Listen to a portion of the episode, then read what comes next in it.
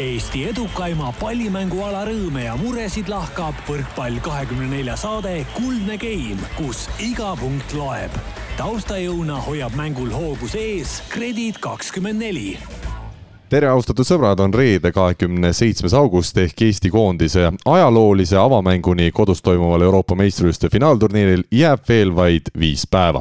sel põneval ajal on Kuldse Game'i Kodutänava stuudios võtnud Karin Aldo kõrval istet endine Eesti tipprannavallapaaar Rivo Vesik ja Sten Esna, tere mehed!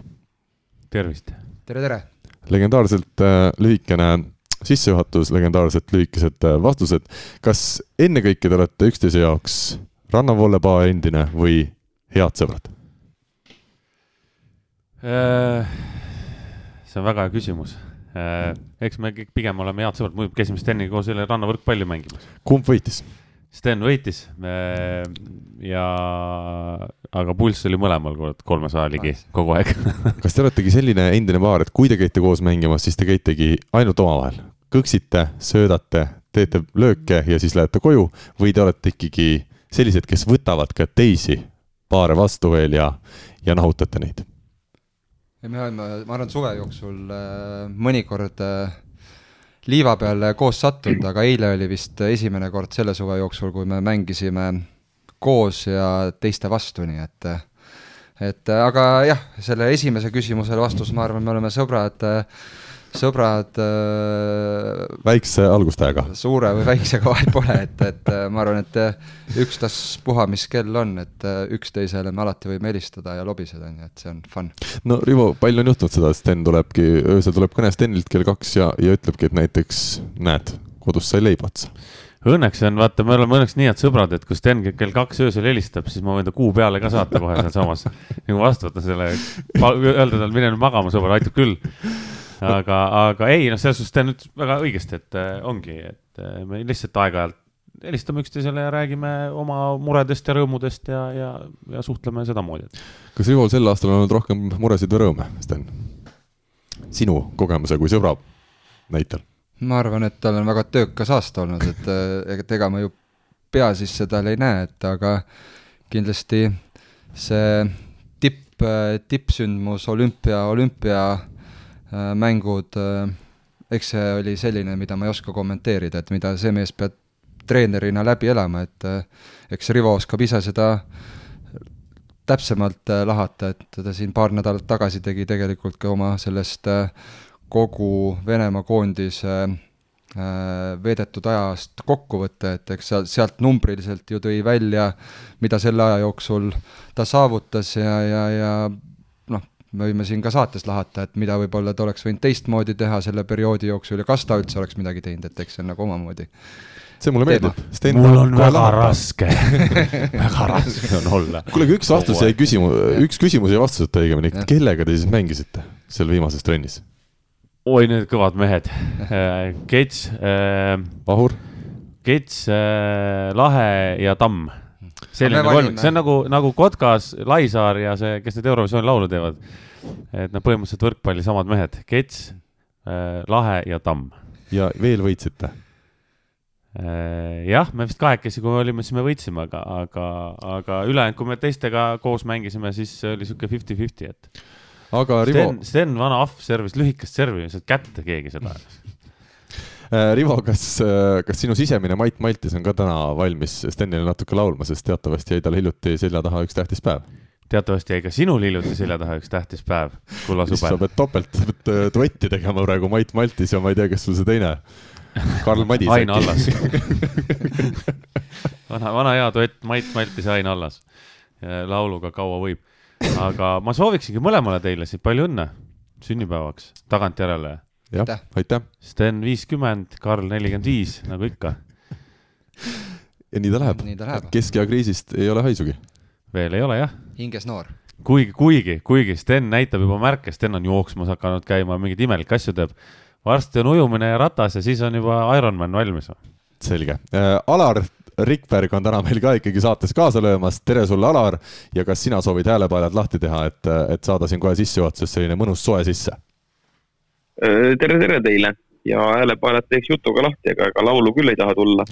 et ma olen valinud saates osalemiseks sellise tänapäevase Riigikogu töökorralduse ehk siis pikutan noh, hotellitoas teki all praegu. ja teed suitsu? erinevalt kojamehest pole mul ei e-sigarit ega muusikat, vaid ma ikkagi keskendun sellele, mida ma teen, ehk siis kuulan, mõtlen kaasa ja annan toredat infot Eesti võrkpallipublikule ja huvilistele ega me sind ei sega sellisel väga tihedal perioodil, nagu öeldud, EM-ine pole enam palju aega jäänud, täna järjekordne mäng Hispaaniaga on ees ootamas.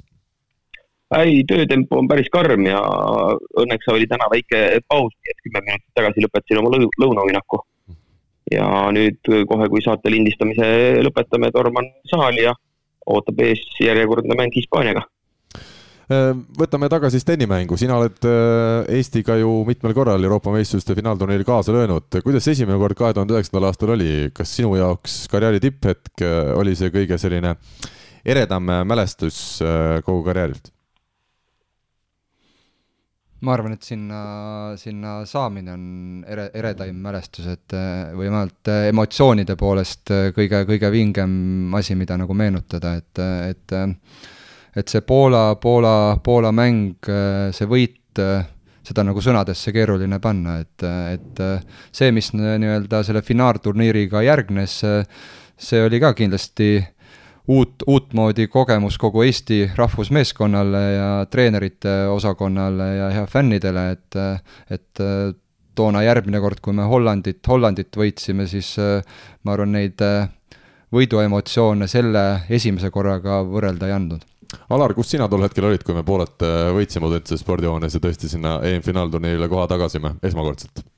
üllatav, et sa selliseid asju küsid kogu aeg sellistel mängudel olin ma väljaku otsas. Äh, ühelt poolt näpud liikusid ja äh, salvestasid statistilisi andmeid, ehk siis tegin mängule statistikat. teiselt poolt kõrva, kuulasin kõrvalt väga emotsionaalset Lembitu Kuuset ja Anu Karvajevat, kes seda mängu kommenteerisid kõrvallavas kas äh, sul on meeles täna, palju Marius Lasley, Poola koondise liider, punkte tõi selles kohtumises ja mis ta efektiivsusnäitaja oli? ei ole meeles, aga mul on meeles üks näpukas, mille ma tegin ja hiljem kiiresti ära parandasin. Äh, nimelt äh, mängu viimane punkt oli meie plokk ja nagu ikka, kõik tegevused tuleb fikseerida. kahesesse plokki läksid Keit Pupart ja Ardo Kreek ja Vlasi selle otsustava palli plokki lõi. ma panin kiiresti Hardole selle plokipunkti kirja ära ja tormasin teistega pidutsema ja tähistama seda võitu, aga otsustava punkti, nii nagu videokordus hiljem, hiljem näitas, tõi ikkagi Keit Puka hmm.. Nii et äh, me oleme nüüd aru saanud, meil on täna üle saja saate tehtud, et Alar ikkagi ka sina ei ole eksimatu? Äh, kunagi ammu ma tegin veel vigu jah, nüüd on kadunud. no aga, aga Keit ju tavaliselt peale igat oma plokki näitas statistikule, et tema pani Eh, Keit tol ajal oli, tegelikult ega ta väga ei näita, ta näitab muid, muid asju, ta näitab vastasele igasugu asju. et selle poole pealt meil on selliseid traditsionaalseid plokivarbu, aga ma arvan, et päris palju. et ebaosava statistiku hirmutab ära, et kui mäletate kunagi sellist legendaarset Osondati tempomeest nagu Vilmanis siis see oli iga hooaja ploki liider ja julgelt kolmandik kuni pool ta lihtsalt varastas sellepärast, et ükskõik kes või kus ploki pani, kas või vastas võistkond, siis tema juubeldas kõige rohkem ja kirja läks kõik alla. kas see tõesti oli nii? no ikka oli, ma arvan, et Sten võib-olla veel mängis isegi natukene sel ajal, kui Ilmaris oli, Sten mees on ikkagi legend meil Balti liigas. Äh, kas, mul üks küsimus sulle, Alar, mis on statistiku kõige suurem hirm? kui sa ütlesid praegu, et ehmatab ära mingi selline situatsioon, siis mis on statistiku kõige suurem hirm? kui akulaad jääb koju. Enter libiseb. kõik, kõike annab peaaegu sättida, aga tõsised probleemid, kust algavad. kunagi oli, oli probleem seoses videopildiga, et see ei jookse korrektselt ja nüüd, kusjuures Saku Suurhallis EM-i ajal kasutame täitsa uudset lahendust. kui muidu tuleb iga võistkond oma ruuteriga, oma wifi võrgu selleks siis, et andmeid ja ka videopilti üleval kaamerast äh, statistiku arvutisse ja sealt omakorda pingil olevatele pea- ja abitreenerite arvutitesse või iPadidesse saada, siis nüüd katsetame uut äh, lähenemist, kus kõik on ühes suures võrgus, korraldajate poolt loodud ja eilne test Hispaaniaga näitas, et äh, kui vead ära said parandatud, jooksis päris ilusasti.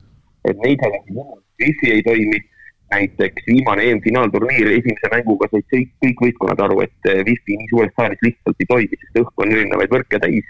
ja lahendus oli see, et kõik võistkonnad poodi ja hakkasid vedama kaableid ja vedasime selle ruuterite, arvutite vahelise ühenduse lihtsalt äh, tavalist kaabliliini pidi. Aga kas täna, täna, täna seda hirmu ei ole, et nüüd tulevad saali viis tuhat inimest, kellel kõigil on mobiiltelefonid taskus ja, ja lööbki lihtsalt nagu sassi kogu selle süsteemi? ei löö, tundub, et sellepärast me tegimegi selle lahenduse ja piirangud on seal peal ja kui inimesed mõtlevad selle peale, et miks saalides on kehvad wifi'd või ei ole normaalne ühendus ja nii edasi, siis eh, nende wifi-dega ongi see, et ega sellist avalikku wifi't seal väga ei ole ja kui siis need võrgud on hoopis teistmoodi opereerima pandud, et nad ei segaks ametlikke kanaleid. Et tehnoloogia on päris palju edasi läinud, aga kui see lahendus on kehva, siis ta ei tohi. muidugi üks selline hirm on olemas, eh, vana hea Windows update ehk siis eh, paned arvuti tööle Eh, mängu alguseni kümme minutit, Windows tahab update'i teha ja teeb seda kakskümmend viis minutit, siis ei ole mitte midagi teha.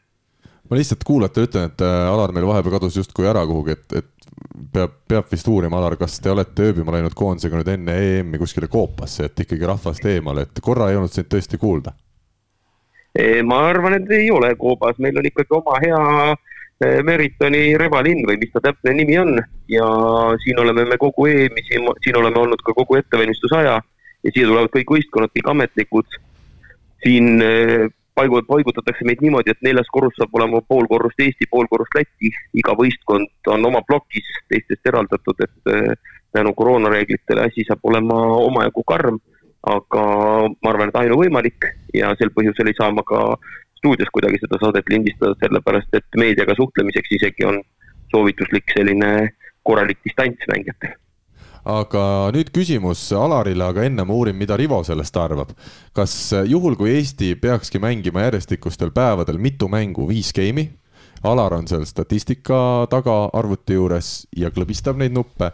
kas sina usud, et Alaril võivad ka näpud minna krampi ja on vaja võib-olla koondise füsioterapeudi Siret Kalbuse abi, et saada ta järgmiseks mänguks vormi tagasi? Need näpud ma, ma arvan, et Alar on nii kogenud ja nii treenitud juba sellel, selle koha pealt, et seal ei, ei juhtu midagi, et kui ta rahmima ei hakka, vaata see rapsimine, see toob vigastused kaasa, et ma, aga, aga ma ei usu, et. kuidas Alar õige vastus on? Õige vastus on, et näppudega on kõik okei seni, aga küll on äh, muid hädasid aja jooksul tekkinud oma lollusest.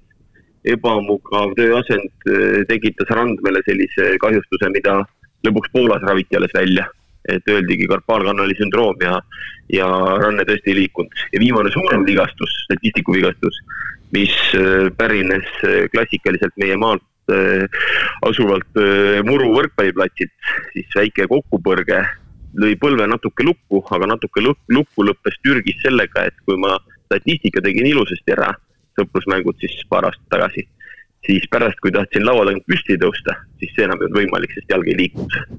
mis siis sai?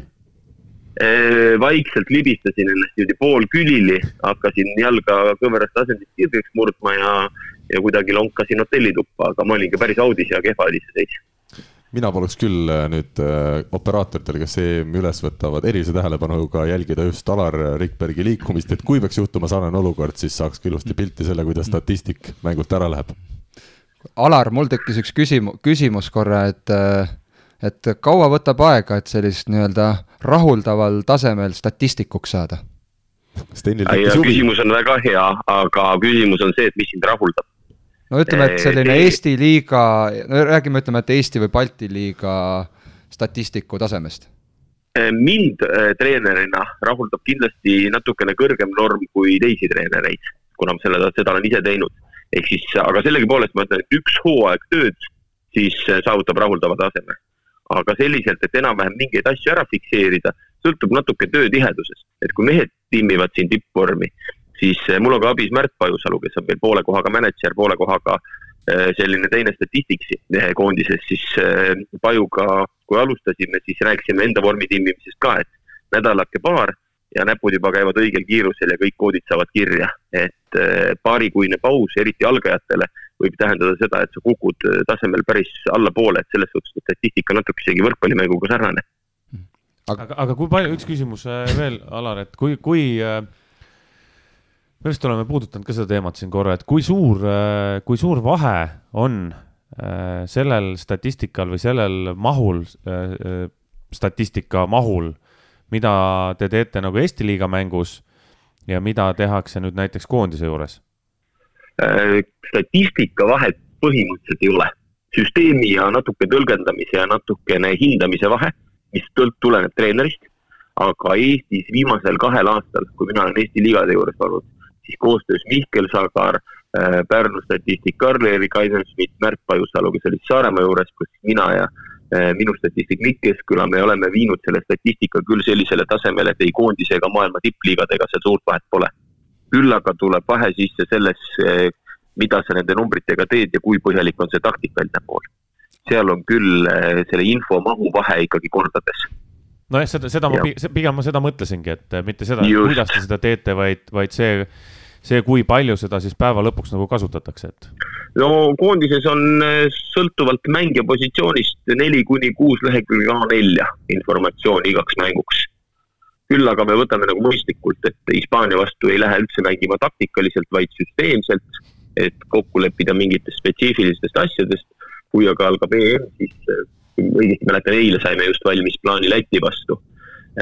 ja seal on ikkagi väga detailselt iga mehe, iga asetuse, iga sellise skeemipõhine see lähenemine. kuule, see on jumala et..., jumala äge teema, mul on see, tuleb veel üks küsimus kohe siia otsa. no küsi, küsi. et äh.... aga võtame kiirelt nii küsimust kui vastused okay.. et äh, kui, kui palju sina, kui palju sina nagu kõrvalt näed, kui palju mängijad tegelikult suudavad ja kui, kui erinevad need mängijate äh, võime vastu võtta seda informatsiooni ja seda kasutada väljakul on, kui erinev see on mängijate puhul? tead, see on läinud, ütleks, et see on üks selle uue peatreeneri tugevus. sest et eh, taktika on selline konkreetne ja spetsiifiline ja siis on olemas meil süsteem, mida on õpitud kaks aastat. ja konkreetne taktika süsteemist erineb vähe. teatud meeste puhul on niimoodi, et kõik teavad, kus peab olema nii-öelda süsteemi järgi see süsteem, mida meie Eesti koondisena mängime. ja näiteks äh, tuleb üks konkreetne mängija, selle mängija vastu peab natukene teistmoodi tegema. ehk siis kokkuvõttes see infomaht on meil päris väike, et pabereid on palju, aga suur osa näitabki, et me mängime süsteemipõhiselt. ja ma arvan, et selle, nende erandite selgeks õppimine, ükskõik mis positsioonil või kas see puudutab vastase servi, rünnakut, enda ploki liikumisi, enda servitaktikat, et need erisused on päris väikesed ehk eh, kindlasti on mehi, kes ei saa eh, võib-olla taktikalise plaani järgimisega hakkama, kui on infomahtu palju, aga seesama kogus, mis meil on, ma arvan, et koondises absoluutselt iga mees on võimeline põhimõtteliselt kõike järgima ja endale selgeks tegema mulle tundub nüüd nii, et, äh, et varsti vaadates seda, kuivõrd proportsioonis on meil siin saates statistiku töö ja mitte võrkpalluri töö, meil Eestis hakkab tulema peale noori väikseid statistikuid, mitte võrkpallureid. aga minu küsimus äh,, Alar, sulle viimane, see on minu poolt no.. mis, mis selline, ütleme, et kui me eeldame, et meil sellised äh, raadiokuulajad, kes äh, kes tahavad statistikuteks saada, et mida nad tegema peavad, et äh, selleks nagu algust teha või kus nad õppida seda saavad? kellele helistama peaks no kõigepealt alus, eh, mina ikkagi näen, et alus on see, et kui nad on veel väikesed ja kui nad on veel lapsed, siis praegu nad peaksid mängima võrkpalli. et eh, võrkpallistatistika tegemiseks eh, see eeldab ikkagi võrkpalli kui mängu tundmist. ükskõik mis tasemel või kui palju sa oled mänginud, aga noh, puhtalt sellised lihtsad reeglid, et kes mida, kus teeb, millised on asetused, jooksud, kombinatsioonid, vastasel juhul võrkpalli päris kauge inimene ei saagi seda teha. aga kui me räägime sellisest äh, noorukist, kes vaatab võib-olla, et võrkpallis nii hästi välja ei tule ja leiaks selles valdkonnas äh, teise töö, siis äh, ükskõik millise klubi juurde info saamiseks, kui seal konkreetses klubis neid inimesi pole, küll siis leitakse üles mõni selle regiooni veidi suurem klubi, kus on ka olemas inimesed. koolitused on üsna iga-aastased, tavaliselt enne hooaegade algust ja viimastel aastatel see koolitamine, kui ta alguses oli minu õlul, siis nüüd on ta jäänud Mihkel Sagari õlule Eestis ent meie, me pole enam väikesed, nii et võiks statistikuks küll hakata kõik kolmekesi, aga teeme tänase saate enne ära. meil äh, tuli on takus, nii et võtame ette esimese teema. kusjuures ma ka kiiresti ütlen, ma paneks ikkagi siiamaani paneks kõik plokid Vilmanisele, ükskõik kes mängib. statistika, kõik paneks sinna, sest ta oli lihtsalt nii kõva mees. ja, aga meie nüüd kõvad mehed läheme tõesti edasi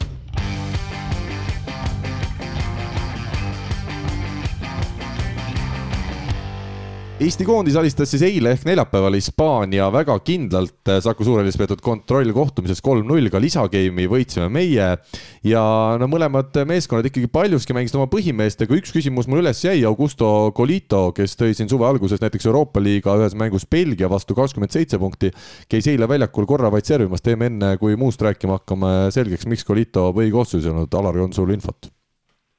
Loomulikult on mul infot, aga esiteks äh, ei pea su faktid paika selles osas, et äh, Kolito ainult servimas käis. ta tegutses natuke rohkemgi ja.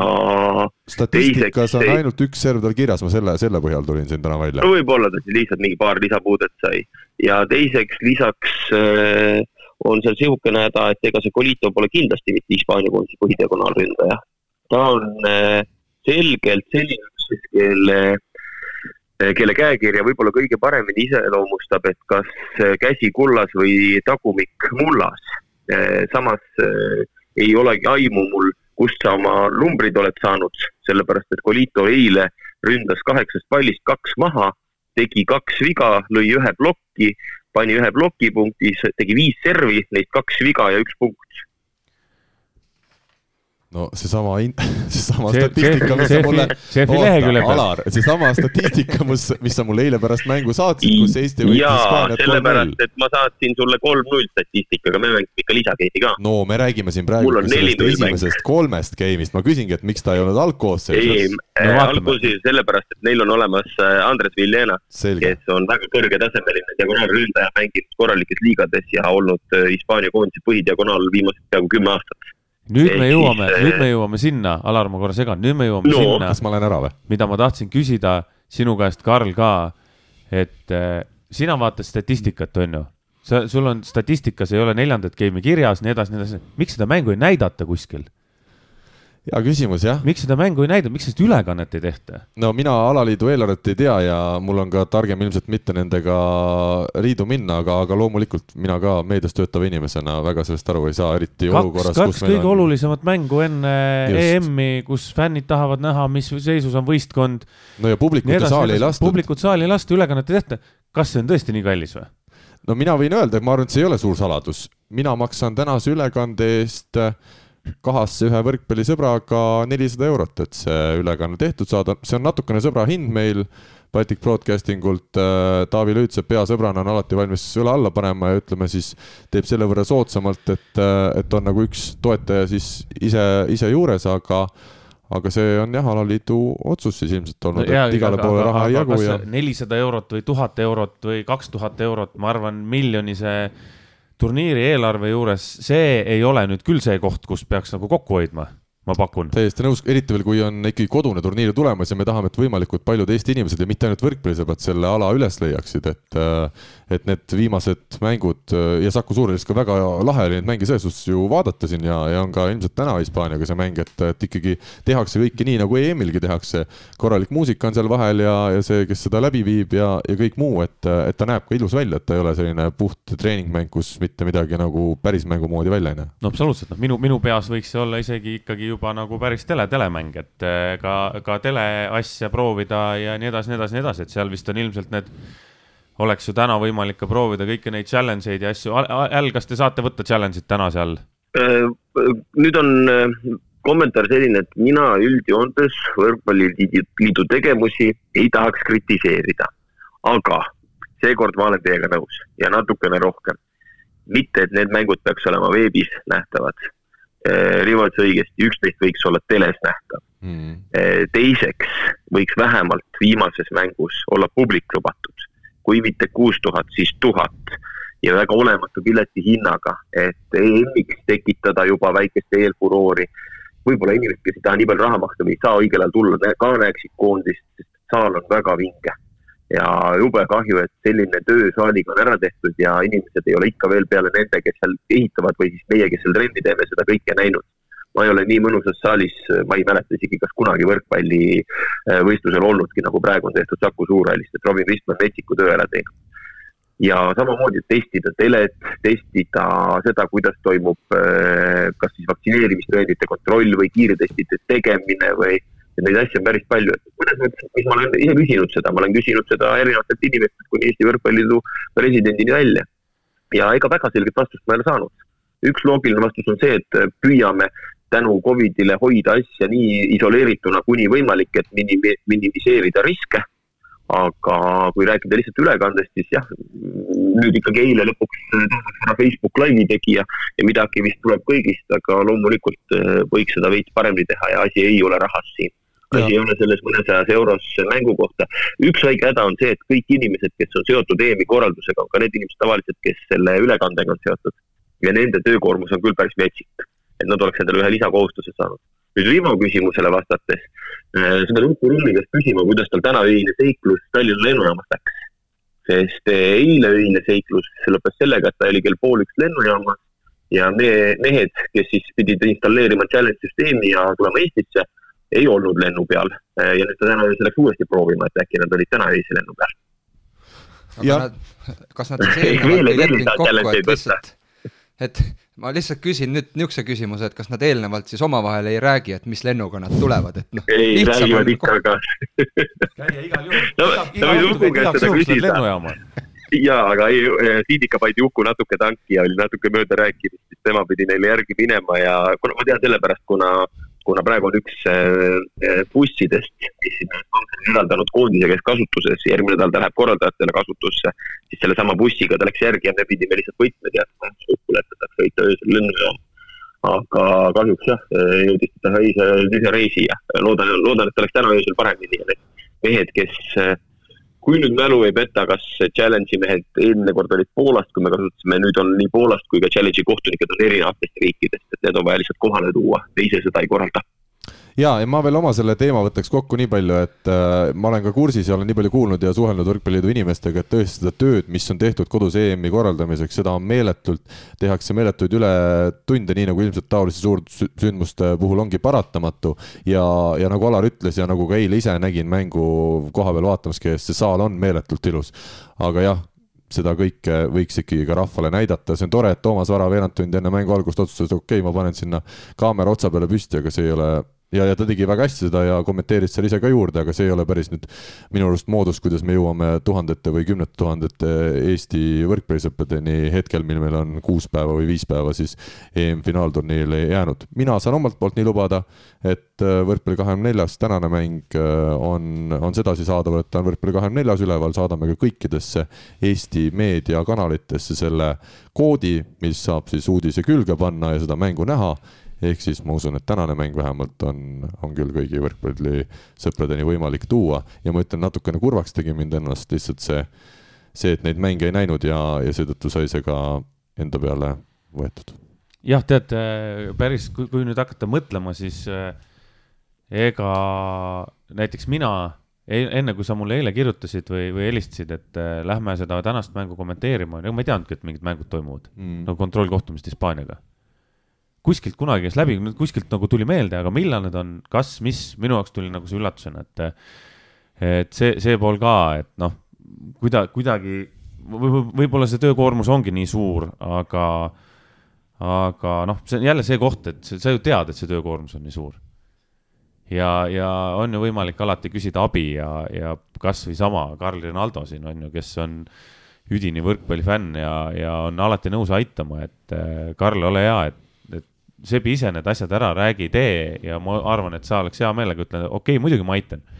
ja oleks saanud kas siis kas nüüd telemängu, see on, see on nagu küsitav, on ju, aga, aga vähemalt nagu kaks mängu laivi. mina just ütlen, et Võrkpalli kakskümmend neli on sügavalt kodukootud äh, tegevus, mis kindlasti ei ole võimeline tegema kõikidest Eesti koondise mängudest ei täna, homme ega ülehomme ega laiemas tulevikus neid ülekandeid. ei, aga point ei ole selles, et ei, ma saan aru, ma lihtsalt ütlen, ma selgitan inimestele, et ma ei täpselt. suuda teha kõikidest Eesti koondise mängudest ülekandeid. absoluutselt, aga point ei ole selles, et sa pead kinni maksma, et, et kui sulle öeldakse, et näed, et siin on vahendid, on ju, ja palun aita siis ma usun, et sa ütleksid, et ma hea meelega teen ja aitan, et, et andke mulle mingid vahendid ja tööriistad kätte ja ma teen ära, on ju. et jah, aga, aga, aga mis siin ikka, et see täna on selline olukord ja, ja ju tähtsatest mängudest on teled ja kõik asjad olemas, et ja, muidugi, Alar, üks küsimus sulle veel seesama no., et inim, inimesi nagu täna oleks võinud ikkagi mingi publik olla, on ju, on hea point ja, ja minu arust see võiks ka olla. et see, see ju tegelikult mehed, kes pole väga pikka aega mänginud suure publiku ees ja eriti noored, kes teil on seal uued sidemängijad, on ju. et ja nende mitte ainult. ja mitte ainult jah, et nende, nende harjumiseks äh, suure publiku ees mängimiseks oleks ju tegelikult olnud isegi kasulik, kui see publik oleks saalis. no nüüd sa jõudsidki asja pointini. korraldus korralduseks. tegevuse esmane eesmärk on meil ikkagi ju sportlik tulemus. Me tahame koondisega mingisuguse vinge tulemuse paika panna.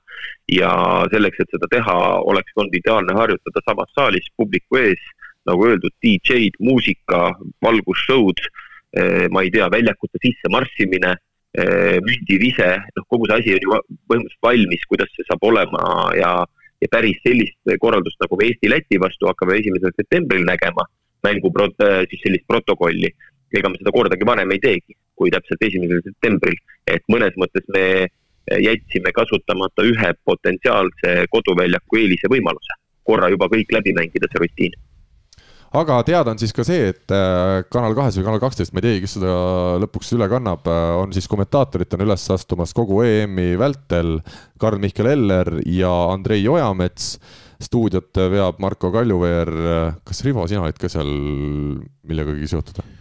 Mina lähen stuudiosse esimene september enne Läti mängu, enne mängu siis äh, räägin, mida ma, mida ma tean ja räägin sellest, mida ma tean ja mida ma ei tea. ehk siis rannavõrkpallist, aa, ikkagi sellest ka, millest ei tea. ja mis ma kuulsin, et ka Vikerraadios on tulemas ülekanded, nii et äh, seda on, seda on väga suur rõõm kuulda, et üle pika aja ka inimene, kes sõidab autoga parasjagu ei pea, ei pea tee asemel vaatama ekraani ja jälgima seda mängu otsepildis, vaid saab seda kuulata äh,. Alar, selles suhtes on vähemalt asjad hästi. Mina julgustan ja soovitan inimesi korra, äkki kes Rivo oli äh, ühes kommentaaris maininud, aga me omavahel siin koondises juba varem ütlesime, et näed, kui mõnus variant, et saab Eurovisiooni teha. et miks mitte, pilt telekast ja heli raadiost kõrvale. kas, kas on teada, et äh, palju, palju neid pileteid juba müüdud on sellele mängule? mängud erinev, aga kui mu eile loeti just seal kokku, et kaks põhimängu loomulikult avamäng Läti ja teine on olümpiavõitjad Prantsusmaa, kus oli müüdud üle nelja tuhande pileti. mis tähendab, et nagu paar tuhat on veel saada, aga, aga päris meeldivalt palju on ikkagi müüdud ka juba. jah, ja täna ka kaks piletit äh, me anname ära sellele Eesti-Prantsuse mängule, aga enne jõuame võtta ette veel mõned teised teemad, nii et väike vahepaus ja oleme kohe tagasi.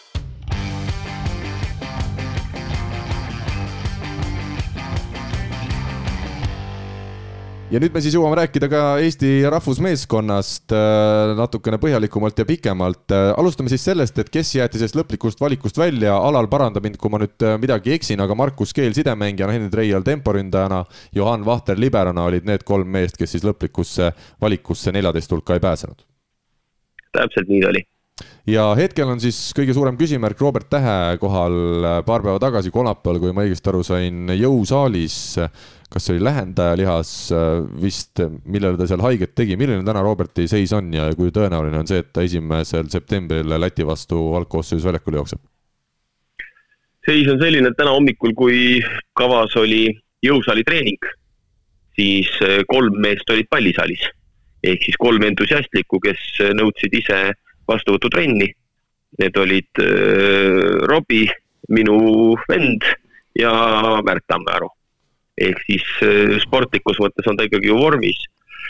teatud asju saab teha ja nüüd me hoiame lihtsalt teda tagasi äh, hüppamiste, äkiliste külje peale liigutuste ja kõige muu osas. ma absoluutselt nii nagu mina ega mitte keegi ei tea, kas ta on valmis mängima esimesel septembril Läti vastu või on mõistlik tema paus hoida veidi pikem ja ja turniir on ikkagi omajagu pikk ja oleme näinud, et, et võib-olla üks mäng ei olegi oluline, võib-olla on hoopis tähtis, et ta neljandaks-viiendaks septembriks meil hoopis mängu valmis on. mis seisus Robert üldse täna on, me teame, kui palju tal erinevaid muresid siin möödunud klubihooajal oli ja, ja ka suvel käis põlvega operatsioonil. no vot, see ongi see, et üks asi ajab teist taga ja keha ei ole tasakaalus.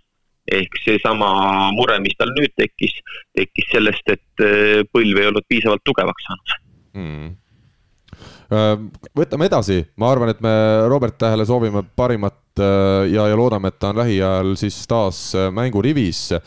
Kui me vaatame seda Hispaaniaga mängu, mis siis neljapäeval ehk eile aset leidis, siis äh, Eesti koondise mäng jättis minule kõrvaltvaatajana küll ikkagi üllatavalt, äh, isegi ma ei tea, kas üllatavalt, aga hea mulje, Robert Viiber, Oliver Venno, Silver Maar, Märt Tammearu, Ardo Kreek olid, olid kõik minu arust tublid, Andrei Aganits pani hüppelt jõuservi ristnurka. Selline hästi. ei, see oli hübriidserv, sellest ei saa aru ja ära seda palun kommenteeri. No aga tugevalt see pall lendas ristnurka, Alar, nii palju sa oled ükskord jah just ja, ja tegelikult noh, Andrei Aganitsa numbrid nüüd midagi superilist eh, ei olnud, aga ka oma töö tegi kenasti ära, et eh, kas Hispaania ongi nii kehv või oleme meie täna head, Alar, ma küsin sinult kui asjaosaliselt hetkel. no me oleme Hispaaniaga mänginud, ma arvan, viimase viie-kuue aasta jooksul üle kahekümne korra. me kaotanud oleme neist ühe ja see oli üks mälestusväärne mäng, kui diagonaalründe positsioonil tegutses Timo Tammemaa mm. -hmm. ja siis me saime napilt kolm-kaks tappa aga Hispaania ei ole nõrk. kaks asja on seal. Hispaania mingil põhjusel on meile kuidagi hästi sobinud. sõltumata, mis vormis või koosseisus oleme meie või mis on, seisus on nemad, me oleme neist kogu aeg nagu sammuke ees olnud need viimased aastad.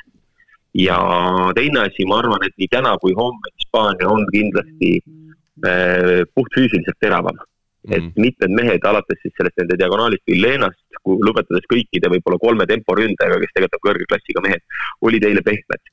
eks see reis jalgades, äh, natukene harjumine äh, nii saali kui kõigega. Ja see oli see meie esimese mängu eelis võrreldes Hispaaniaga, et ega neil ei ole päris selline paari tunniga Eestisse tulek. Mm.. ja ma usun, et äh, täna hommikul samamoodi tegid ka nemad jõusaali koos meiega, leidsid teravust ja võib-olla isegi kolmandas mängus, ma arvan, näeme neid kõige teravamas vormis aga teine pool sellest, mis sa kommenteerisid, täitsa tõsi, et ega meie mäng äh, kulges üsna ladusalt. aga seal on selline asi, et kui sa juba game'i keskel oled kolme-nelja-viie punktiga ees, äh, siis nii ongi väga mõnus mängida, et meil õnnestus breik saada igas game'is, mitu korda olid seal Oliver Venno servid selle algatajaks, aga ka teiste meeste panus. Ja, ja niimoodi ongi, et kui, kui sa saad sellise mõnusa turvalise seisu ja sealt pealt omad asjad sujuvad, siis, äh, siis see võit tulebki ma parandan ennast ka, et mitte teha liiga kellelegi, Andrei Aganits tegelikult kontrollis numbrid üle, väga hea mäng, muuhulgas viis plokki, nii et tema tegi ka hea mängu ja Albert Hurt siis nendest põhimeestest. Veel üks, keda ma esialgu kohe esile ei toonud, aga aga ütleme, Albert sai just rünnakul hästi palju tööd, kohati oli seal raskustes vastase plokiga ja tegi ise ka mõned vead, rünnakuprotsent nelikümmend kolm, aga Hurt Tammearu, eelmise hooaja siis Tartu Bigbanki nurgaründajate duo. kas nendest ongi nüüd saamas siis meie rahvusmeeskonna põhikoosseisu valik sellele positsioonile siin äh, väga tähtsates mängudes? mina arvan, et siin on peatreeneril nuputamist küllaga, meil on neli väga sarnasel tasemel, aga küllaltki erineva iseloomuga mängijat. ehk sõltuvalt sellest, mida nõuab mäng või mida nõuab vastane siis kui ma praegu veel Robert isegi välja jätsin viienda, siis nii Karli Allik, Kristo Kollo kui ka siis nimetatud kaks Tartu eelmise hooaja mängijat, siis äh, neid kõiki, ma arvan, võib peatreener päris julgelt kasutada. et vastavalt vajadusele siin on vangerdumisruumi küllaga. Silver Maar jättis ka hea mulje, kuidagi ilusaid puuteid sai vahele ja, ja paistab, et see, et ta Rait Rikbergi asemel oli seal esimeses mängus väljakul, igati õigustas ennast. Äh, jah, Silver sai tublisti hakkama ja lisaks sellistele kontrollitud puudetele äh, nagu tal kombeks, eh, kui nüüd mälu ei peta, siis võttis ta vist Märt Tammearu eest, et eh, Märt hakkas servi vastu võtma. Silver pani ühe käe ette, ühe käe nuki pealt põrkas ja põrkas ideaalselt sidemängijale kätte vastu. et tal selliseid efektseid puuteid tuli ka sisse. aga noh, eks tal on ka parandamisruumi muidugi mängus, aga, aga sel, selles situatsioonis ja selles mängus sai ta väga tublisti hakkama mis on Eesti koondise puhul ikkagi lahe näha või tore näha, on see, et meie siis uus põhisidemängija Robert Viiber ja tema koostöö Oliver Venno, meie põhiründajaga, jätkuvalt klapib väga hästi, ei ole siin vahepealse kuu-pooleteise jooksul midagi muutunud. kui äh, Viiber on väljakul, siis Venno tunneb ennast hästi. esimeses mängus siis Hispaaniaga rünnakuprotsent Vennol seitsekümmend kaks protsenti, võimas. ja, ja ka Rene Teppan, kes tuli neljandas skeemis, tema vastas seitsmekümne ühe protsendiga, et suhteliselt sama võimas mm. -hmm kas Robert Viiber ongi nüüd ikkagi kindel valik, et kõik mehed teavad, et tema peaks olema meil EM-il põhimees või sa usud, et siin on ka veel vangerdamisruumi siis Renet Vankeri näol mm,? tahad hakata Vankeriga vangerdama?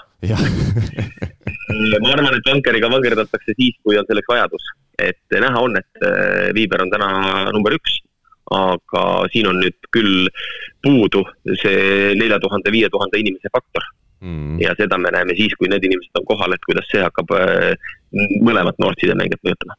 Timo Tammemaa ei mänginud, sest et? sest et ülejäänud kaks on paremad praeguses hetkes või siis äh, on treeneril mingi oma mõte, mis on seotud võib-olla sellise motiveerimise, mõtlemise või kasvatamisega. aga ma olen üsna kindel, et täna mängib terve mängu Timo Tammemaa. Rivo, sinu kommentaar Eesti koondise hetkeseisule? Äh, ma ei ole näinud, ongi, ei olegi nagu näinud, ei oskagi nagu öelda midagi, et äh, eks ma täna näen ära, kuidas on äh, noh, numbrite järgi nagu Alar ütles, et see, kas see Hispaania nüüd on mugav võistkond või, või või me oleme lihtsalt nii palju tugevamad, et selle Hispaaniaga ei ole kunagi probleeme olnud, et sel-, selle mängu pealt, kui mina ei ole näinud ja vaatan neid numbreid, siis ma ei oskaks midagi kommenteerida, et kvaliteedilt peakski meie mängijad olema üle aga, aga kui ma nüüd täna näen need liigutused ka ära seal, mis seal toimub, et siis ma oskan juba paremini öelda mingeid asju, et aga See..., aga ma, ma usun, et on noh, minu jaoks kõige suurem küsimärk on seesama, millest me rääkisime, mida Alar ka ütles. no on just seesama inimfaktor noorte sidemängijate puhul.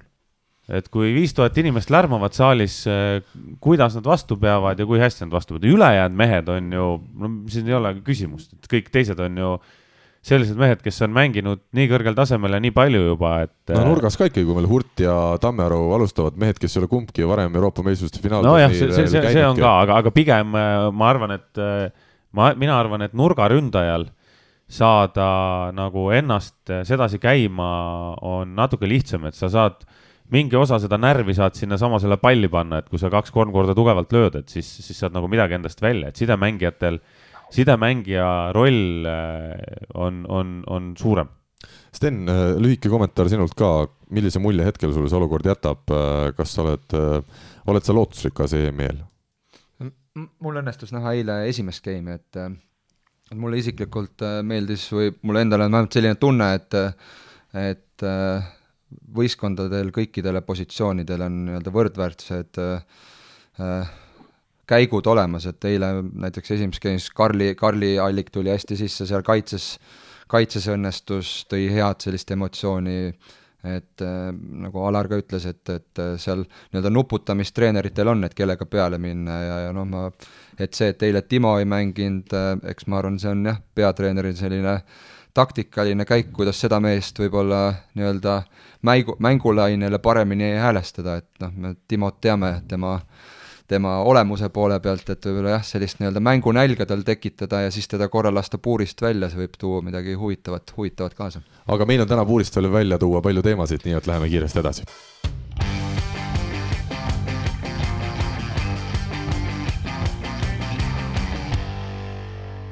kuulajate küsimused on tagasi, täna siis äh, vaid mõned tunnid enne lindistuse algust sai pandud äh, üles, äh, üleskutse, et head võrkpallisõbrad, andke märku, oma küsimuste osas ja Rivo, sa oled küll mõtliku, mõtliku meelega, aga, aga nüüd tuleb hakata tulistama.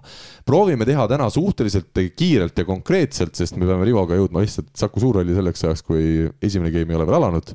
aga küsimused on huvitavad ja ma tänan kõiki küsijaid siis kohe nii-öelda edukäden. Hannes küsib meie käest äh, kes on viimase kümne-kahekümne aasta kõige tugevam Eesti võrkpallur, kes ei ole kordagi välismaal mänginud? tegevmängijatest ei arvesta neid noori, kes lihtsalt ei ole veel välismaale jõudnud. suurepärane küsimus. mina sedasi peast kohe ütleksin Oliver Orav, aga nüüd ma lasen targematel meestel rääkida. Rivo, kas sul kohe turgatab kedagi pähe? Äh, kes ei ole mänginud välismaal. või kes ei mänginud viimased kümme, kakskümmend aastat? kes ei mänginud äh,. ma tean no., Alaril oli juba mingi mõte siin olemas aga Alar, ütle enne, enda oma ära, siis ma mõtlen natuke, et mul. mul on kolm võrdväärselt head meest ja kaks tükki neist, ei, kõik kolm tegelikult korraks ühe jalaga juba peaaegu olid, aga mängima ei jõudnud. esimene Veiko Lember. Jõudis treeningutele kohale Iisraeli ja tuli Selverisse tagasi. aga mänginud välismaal ei ole. pikaaegne Eesti koondise sidemängija. teine Kristjan Sikaste jõudis Prantsusmaale kohale aga karjääri pärast täiendavaid terviseuuringuid. ja kolmas, teil võib ju kindlasti veel väga palju neid, sest neid mehi on omajagu. ja kolmas nimi äh,, Asko Esna mm.. Sten, kuidas sulle tundub? samamoodi peaaegu jõudis lepinguni ja on juba ühe jalaga välismaal, aga ikkagi ei olnud. Sten, sa oled Askoga kuuldavasti elus, noh, oled näinud, oled kuulnud, ei ole võõras mees? ei ole võõras mees. tervitame Askot siinkohal.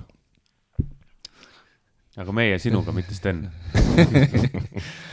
ma, ma nõustun selle, selle valikuga, mõtlesin, et kas mul on nagu mingeid ni nimesid siia juurde lisada. tead, ma paneks et... ühe nime siia juurde. Taavet Lepik äh,. tead, ma paneks ühe, ühe nime veel juurde, kes tegelikult äh, ma arvan, et oleks võinud minna, äh, on Martti Rosenblatt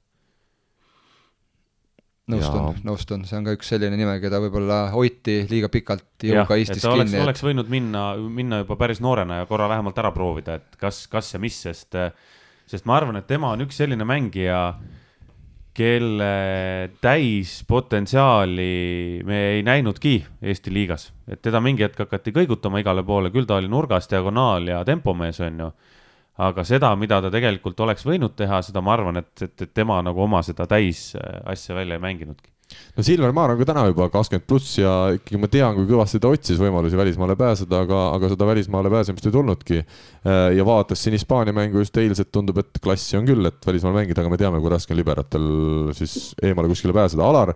ma arvan, et tegevmängijatest panegi kaks nime ja ennustan, et üks läheb aasta pärast ja loodan, et ka teine läheb õige pea, ehk siis loodan, et Silver läheb õige pea. ja teine nimi, kes tegevmängijatest ei ole veel jõudnud, aga peagi jõuab, aga noh, see läheb selle piisavalt noore alla veel, on Albert Furt mm aga Oliver Oravaga ei ole siis nõus, mina ikkagi mõtlen eelmise aasta need mängud, mis ta Selveris tegi, oli ikkagi super hea, arvestades, kui kõva meil oli liiga hooaeg ise. Alar, ka sina oled öelnud, et sellist taset meil ei ole liigas varem olnudki, et kui üks, üks mees nii kõrgelt lendab ja nii hästi võistkonda veab, et siis kas tema sinna valikusse ei peaks kuuluma Lo? loomu-, loomulikult on tal klass olemas, aga me rääkisime viimase kümne-kahekümne aasta parimatest ja me tõime siia nimekirja välja mehi, kes on pea, pea või üle saja mängu Eesti koondist esitanud mm et eh, kui me räägimegi Lemberist, kui me räägime eh, Sikastest, siis need on nagu kogu Eesti võrkpalli seal väga-väga tipus juba, aga välismaale pole jõudnud erinevatel põhjustel selge, Hannese küsimusele oleme vastuse leidnud. Kristo küsib meie käest pigem Rivole, aga loomulikult vastata võivad ka teised, kes oskavad. mis oleks kõige kõvem saalivõrkpallisats, mida saaks kokku panna, kui saaks kasutada ainult rannavõrkpallureid ja mis tasemel see sats võiks mängida, näiteks Eesti liigas medalite eest või Poola liiga keskmik? No nii, Rivo. oh, juudas, neid mängijaid on seal ju äh, noh, või see on nii keeruline küsimus selles suhtes, et äh, neid mängijaid, kelle tase, kui ma vaatan rannavõrkpallis ja mõtlen nagu Eesti liiga peale, on ju, noh, ma, üks nimi on Igor Kolodinski, eks ju, kes äh, tuli rannavõrkpallis, oli MM-i hõbe, käis olümpial, Euroopa meister vist, kui ma ei eksi ja täna ta just eh, selle hooaja eel sõlmis uue lepingu Venemaa meistriliigas äh, Zeniidiga, Peterburi Zeniidiga.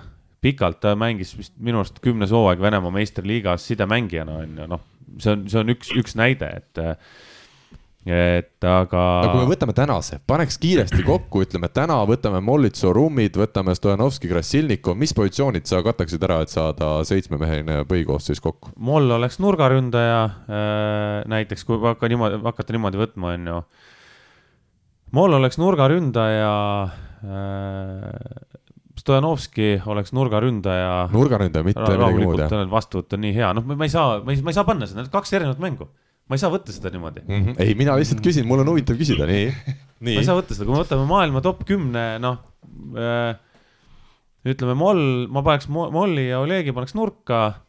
Sideks paneks äh, äh, äkki selle. Kusti Nõlvak äh,. jah, Kusti oleks väga okei okay, muide no. äh, Sideks ma paneks äh, äh, Taylor Crab'i kes võiks ka muidugi nurgaründaja olla, kes on, on, oli omal ajal USA ülikoolis väga hea nurgaründaja, on ju.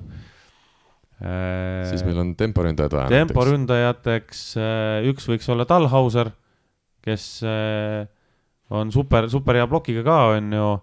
teine temporündaja võiks olla, kes meil seal on sellised veel? Äh, Evandro näiteks ja, või Evandro võiks isegi olla diagonaalis ja, ja paneme siis diagonaali äh,. no Sevenov, ma arvan, Kostja on okei okay,, et ta on, on ka mänginud Venemaa meistriliigas mingi hetk. ja libero? liberoks ma paneks tänasel päeval, paneks Soorumi äkki. et äh, või siis Krasilnikovi, kaks tüüpi, kes on, on nagu kaitses väga head ja, ja oma kontrolliga on, pallikontrolliga on, on okei okay, no.. Karambula ei lähe liberasse vaata sihuke serv oleks. Karambula võiks ka, noh see libero, libero, libero koha peale tegelikult on see valik kõige suurem seal, et need kaitsemängijad, kes on maailma tipus, nad on ikkagi nii head kõik, on ju. Mhm. et aga noh, jälle saali võrkpall on teine mäng, et kui ma mõtlen praegu selle peale, et Talhauser oleks esimese tempo ründaja, on ju, või Evandro oleks esimese tempo ründaja, siis, siis vaadates neid mehi, Talhauser ongi hea plokk, aga tal on selle ploki sättimiseks ja koha valikuks nii palju aega, et kui teda hakatakse seal jooksutama, võib-olla see laguneks kogu süsteem ära, et et ei oska öelda, noh, aga, aga ma ütlen, millegipärast ma arvan, et Oleg ja, ja, ja Andres Moll oleks väga head nurgaründajad. me saime vastuse siin, Sten tahab lisada. kui ulmeline sellist, sellist äh, show projekti kokku saada. päris pull oleks tegelikult vaadata sihukest asja lihtsalt võttagi, ütleme siin äh, Tallinna Selver mängib nende vastu, vaadake, vaadake lihtsalt, mis saab, see oleks ülipõnev tegelikult no kui homme läheks Tallinna Selver, ütleme eelmise hooaja Tallinna Selver läheks vastu, vastamisi sellise pundiga nii ei. et need äh, rannavõrkpallurid ei jõua saalis trenni teha üldse, siis ei ole ikka šanssi? ei, ma arvan, et ei ole jah. ma arvan, ma arvan, et noh, seal, seal ongi, nad võivad olla ju rannas nagu head vastuvõtjad, on ju, aga, aga lõpuks, lõppkokkuvõttes on see, et, et, äh, et nad peaksid ikkagi kõik, kogu see seltskond, kelle ma siin ette lugesin, on ju, nad peaksid trenni tegema üks, üks aastakese kindlasti, et saada nagu midagi, et või pool aastat, et et juba see serv ja planeeriva servi vastuvõtmine, nii edasi, nii edasi, nii edasi, et see sealt, sealt pealt ma arvan, et hakkab äh, kärisema, et nii, aga läheme edasi. Kristo suurepärasele küsimusele ja vastus Oota, kantud. küsime Alarit. küsime Alarilt ka, okei okay,, küsime Alarilt. nii kes.... no mina pakuks niimoodi, et äh, nõus, kui täna kohe panna Eesti meister või mingi Eesti tippklubi äh, sellise pundiga vastamisi, siis pigem saalimehed võidavad. kui anda võrdne olukord näiteks, et selline Eesti tippklubi, ükskõik milline ja need nimetatud rannamehed alustavad juulis-augustis ettevalmistust ja siis hooaja lõpus aprillis-mais peavad äh, mingid finaalseeriad. ma arvan, et rannamehed on ikkagi nii maailma tipus ja füüsiliselt ja suhtumiselt ja kõigest nii professionaalselt, et Eesti liiga paneks see võistkond kindlasti kinni ja pigem võikski julgelt mängida seal kuskil Poola liiga keskosas. Saaks... et ei ole see kindlasti mitte nõrk tiim, kui nad teeksid trenni, aga noh, vot nagu Rivo ütles, et iseloom, seal tekivad erinevad kombinatsioonid, meeskonnatöö, mitte kahe, vaid siis kuus pluss kuue mehe vahel ja noh, see on hoopis teine maailm siit saaks hea pealkirja, Tartu Bigbanki peatreener oma meestesse ei usu, kool on, isegi rannavõrkpallurid teeksid meil järgmiseks kevadeks ära. Nõus. Klik, klikimasin. Ats küsib meie käest järgmist küsimust, päris selline põhjalik küsimus, mida teeb võrkpallikogukond või alaliit valesti, et Eesti meistriliiga tasemel võistkondade arv kahaneb? samas vaadates korvpalli, siis seal on juba kaheksa võistkonda, rääkimata jalgpallist. Uhuhuu, kust me alustame? ma võin alustada. No.. sellepärast, et Eesti meistriliiga meeskondade arvu kahanemine oli meil liiga koosolekul täitsa eraldi teemana arutluse all väga meeldiv uudis on see, et naistel osaleb eh, algaval hooajal kaheksa võistkonda meistrivõistlustel kõrgemas liigas siis. meestel on see kukkunud nelja peale. minu isiklik arvamus on olnud kogu aeg, et Eestis on viie kuni kuue võistkonna jagu mängijaid, et eh, mitte tekitada olukorda, kus välismaalaste toon oleks või foon oleks liiga suur. ehk siis kuus võistkonda, kus oleks piisavalt eestlasi, piisavalt noori ja natukene legionäre sees kui vahepeal siin oli seitse, siis seda ongi veidi palju, aga täna on puudu noortest. Milles... esimest korda viimase kümne pluss aasta jooksul me tegime niimoodi eh, Kredit kakskümmend neli meistrite liiga ja Eesti karikavõistluste kalendrit, et me ei pidanud arvestama eh,, millal ja kus toimuvad samal ajal A-klassi võistlused aga Alar, küsimus.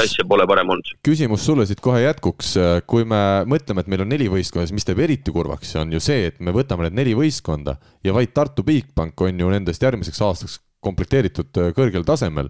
Tallinna Selveril on raskusi, Pärnul on raskusi, TalTechil on omajagu raskusi, et, et need, äh, ka need neli võistkonda ei ole hetkel ju tummised, mis on võib-olla, oleks meil neli väga tugevat võistkonda, meil oleks väga palju häid mänge hooaja sees, kõik mehed areneksid, siis ei oleks see nagu küsimus. aga kui on praegune tase veel ka, siis, siis see on see, mis, mis on nagu kehv.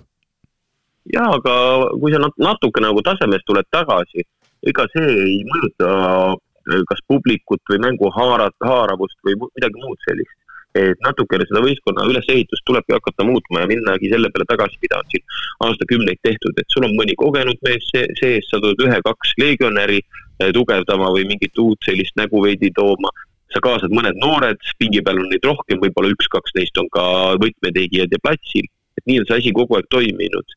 Ja nii nagu ma olen korduvalt öelnud ja nii juhtuski, et see eelmine aasta oligi täiesti ebaloogiliselt tugeva tasemeline mm. -hmm. et eh, sellist asja ei juhtu lähemas tulevikus kindlasti mitte noh Läheme edasi, kuna aeg pressib ja Alaril on stardini hotellist Saku Sureli poole jäänud täpselt üksteist minutit ja kakskümmend sekundit. Ain küsib meie käest, tervitame siin Aini, Ain on ka võrkpalliportaali oma nõu ja jõuga panustamas, tegu on nimelt inimesega, kes internetist ja IT-st jagab umbes sada korda rohkem kui mina, Rivo ja, ja Sten kolme peale kokku. kas mõnes noortekoondises või esiliigas on mõni noor perspektiivikas diagonaalründaja peale kasvamas? pulk lõpetas karjääri ära ning kohalikul tasandil tasandil tundub, et isegi kui mõni klubi tahaks meistriliigaga liituda, siis lihtsalt pole enam meistriliiga tasemel kohalikke võttagi. ma täiendan siin äh, seda pulga värki, et pulk on läinud, äh, Siim Põlluäär on värskelt äh, minu teada liitunud Tallinna Ülikooli esiliiga võistkonnaga, ehk siis tema ka kõrgligas enam professionaalina ei tegutse. samuti Mihkel Nuut, Tallinna Selveri möödunud hooaja siis teine diagonaalründaja, on tegemas üha rohkem tõsiselt tööd ja, ja ei tea veel ka, kas ja mis rollis ta üldse meistriliigas jätkata võiks, et jah, diagonaalründajatega meil on päris äh, suur probleem. Alar, kas sul on siin ka vastus kohe võtta, kes on siis see potentsiaalikas või perspektiivikas mängija, kellest võiks siin rääkida? loomulikult on vastus arvast võtta, vastus on ei hmm., pole. eelmisel aastal sai koondise treeneritega arutatud, sai ju igasugu naljakaid mehi, või noh, selles suhtes naljakaid, et mehi, kes ei olnud omal positsioonil koondisse kutsutud ja nädalaks või paariks ennast näitama ja natuke neid vaatama ja kõik sai alguse sellest küsimusest, et et eeldusel, et Oliver Venno siin lähemal ajal võib-olla lõpetab saalikoondise karjääri ära, vähemalt rahvuskoondise esinduse, esindamise näol, siis kes on Rene Teppani kõrval teine diagonaalründaja. ja proovid sellest mütsist seda jänest välja tõmmata, aga no ei tule. käis meil proovimas Mark Saru seda positsiooni, testisime, et kuidas saab diagonaalis hakkama Toni Tammiksaar Äh, sisuliselt ainukene mees, kes ka trennis ja muidu on mängimas seda positsiooni, välja arvatud siis äh, mõned tempomehed, keda sinna saaks nihutada, on Märt Tammearu mm.. aga tema on nurgaründaja, ehk siis äh, noori perspektiivikaid sel positsioonil ei ole. ja see on häda nii meistriliiga võistkondadele, keda sinna mängima panna, kui ka natukene suurem ja mitte natuke, vaid väga palju suurem häda kogu Eesti võrkpalli tulevikule. aga Mart Naaber, Alex Saaremaa no sina, Alex sina, ise sina korra. sina tead neid mehi väga hästi, et. Eh, ta, korra küsis selle rumala küsimuse, et kas ta võiks seal hakkama saada. aga igale küsimusele ei ole mõtet vastata. et proovigu omal positsioonil hakkama saada. kõigepealt või? Al-, alustuseks. just Rivo, sina vahel ei tahtnud öelda, ei öelnud treeneritele, kui sa saalis mängisid, et äh, kuulge, ma ei, tempos, te saate nii vähe kasu minust, pange mind nurka, pange mind sidemängijaks või pange mind diagonaaliks äh,. ma mängisin mingi hetk, olin nurgas ka mm.. Nõmb, Nõmsal oli see, kes tahtis sidemängija olla. jah, jah. kuna ükski tõesti ei sobinud. aga Nõmsal, Nõmsal oli see, et kui tal oli kaks mängu olnud või kaks trenni olnud sidemängija, siis ta tahtis midagi muud teha jälle nii et Rivo vastus on ei ma, ma üritasin treeneritel igast asju, aga nad ei kuulanud mind millegipärast, ei tea miks. saatsid su randa ära ja parem oligi, nagu kokkuvõttes nägime umbes nii.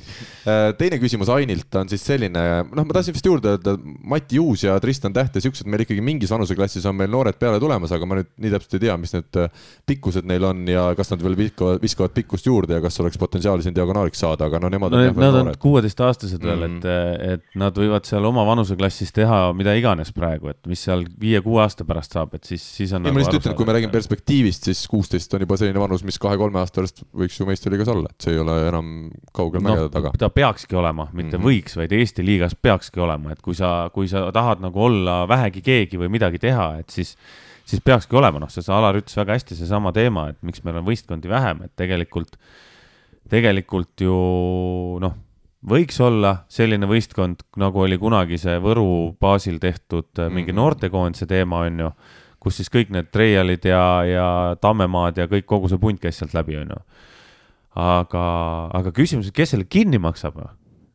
kes tahab võtta endale heategevusprojekti, mis ei võida mitte midagi ja öelda, et noh, et see nüüd, me kasvatame Eesti võrkpalli, kes see toetaja on mm. -hmm., seal tuleb, tekib küsimus ma ütlen just äh, seda veel ka, et äh, Täht ja Juus valmistuvad siin omaealist Euroopa meistrivõistlusteks veel rannavõrkpallis, nii et soovime noortele, nii nendele kui ka tüdrukutele, kes on sellele äh, EM-ile minemas, palju-palju edu, loodetavasti kuulate meid ja saate siit natukene indu veel juurde. ja järgmine küsimus siis Ainilt oli see, et kas meistriliiga ja esiliiga tuleks mingil viisil hetkel ühendada? meistriliigas on nüüd ju nii vähe klubisid, et kuidagi veider on nii väheste osalejate vahel otsustada, et kes on nüüd meister noh, kokkuvõttes ikka meist selgelt parimad ja, ja need neli võistkonda meil on täna selgelt paremad kui esiliiga klubid, noh kuigi no ja Balt-, Balti liigas on ju tegelikult kokku üheksa võistkonda, et, et see on täitsa normaalne arv. Alar? jah, ega ma ei näe nagu mingit väga suurt pointi selles ühendamises, et praegune plaan on pigem selline, et eelmine aasta, kui need medalimängud koroona ja muu jama tõttu olid üsna lühikeste seeriatega, siis see aasta plaanitakse tagasi minna Eesti meistrivõistlustel kolme võiduni ehk viiest parem poolfinaalid ja nelja võiduni ehk seitsmest parem finaalid. et vähemalt siis kevadel, kui meeskonnad peaksid olema tippvormis ja parimas seisus, et siis oleks piisavalt lahinguid, et millele kaasa elada. ja no. Balti liiga üheksa on selline, et see on okei okay number. ma ei taha uskuda, et ükski esiliiga meeskond oleks võimeline täna üllatama ühtegi meistriliiga meeskonda, et seal on ikkagi selline korralik tasemevahe olemas no kui, kui nagu midagi, kui midagi teha või noh, ma ei tea, see, seal peaks olema kogu see teema, et miks on vähe võistkond, et seal peaks olema siis mingisugune ka mingisugune näiteks alaliidu poolt mingi motivatsioon, et sa sinna meistriliigasse tuled, on ju, et kasvõi seesama, et, et kui nagu teha esiliiga ja meistriliiga kokku, siis see süsteem võiks olla umbes nii, et esiliiga lõpeb ära enne, kui hakkavad meistriliiga play-off'id või need finaalid ja siis ütleme, esiliiga esimene koht ja teine koht mängivad vastavalt siis pool, veerandfinaali, ütleme meistriliiga esimene ja teine on otse poolfinaalis ja esiliiga teine ja esimene mängivad siis meistriliiga kolmanda ja neljanda vastu siis niinimetatud veerandfinaali, on ju.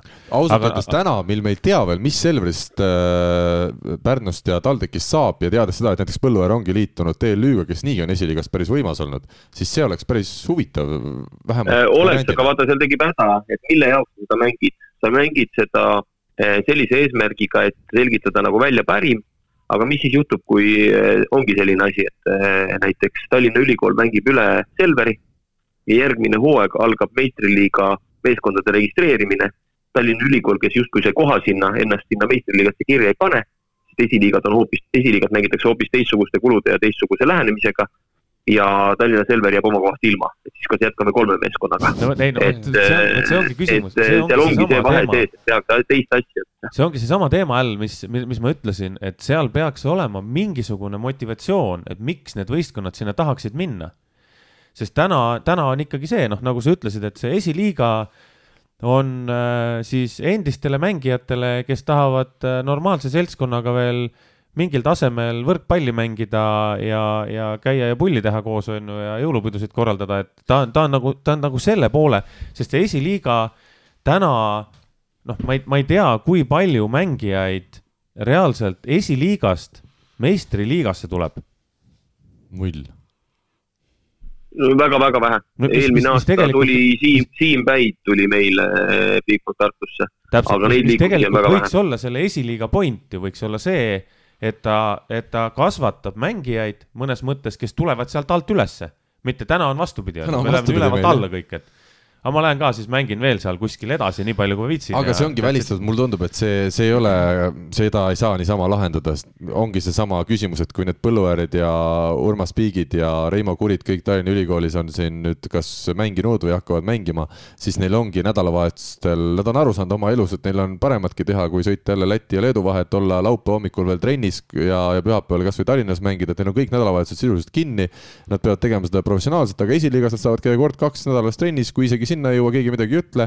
tähtis on seda, see, et neid mänge nauditakse, ütleme see meistriliiga, esiliiga tundub justkui, et need on kaks järjestikku olevat liigat, tegelikult seal on seal on kolossaalne vahe, need üksteist ei näegi selle just lähenemise mõttes, nagu Alar ka ütles, et, et ega neid liita ei olegi ju võimalik kuidagi no ole pointi lihtsalt mm., see, see ei anna kellelegi ilmselt mitte midagi, et sa ütlesid väga hästi, et mm. ega ega ma ei usu, et nad viitsivad sõita, TLÜ mehed viitsivad sõita Tartusse seal Bigpangaga mängima, kui see mängu tulemus on juba ette teada, noh, et milleks, mis ma lähen sinna Tartusse kolm-null kaotama ja sõidan kaks pool tundi sinna, kaks pool tundi tagasi, aga pean laupäeva hommikul trennis olema. aga Alaril on äh, täpselt kaks minutit aega ja täpselt kaks äh, välkvastust me Alarilt veel saame. Aini, üks küsimus oli veel see, et kui koondise peatreener Cedric Enard soovib, et me oleks kõvad võitlejad, challenger'id, kiskjad väljakul, siis kes meie koondises see kõige kõvem lõvi, koondise alfa on? Vot, Alar Seeni küsimus, ootame konkreetset vastust.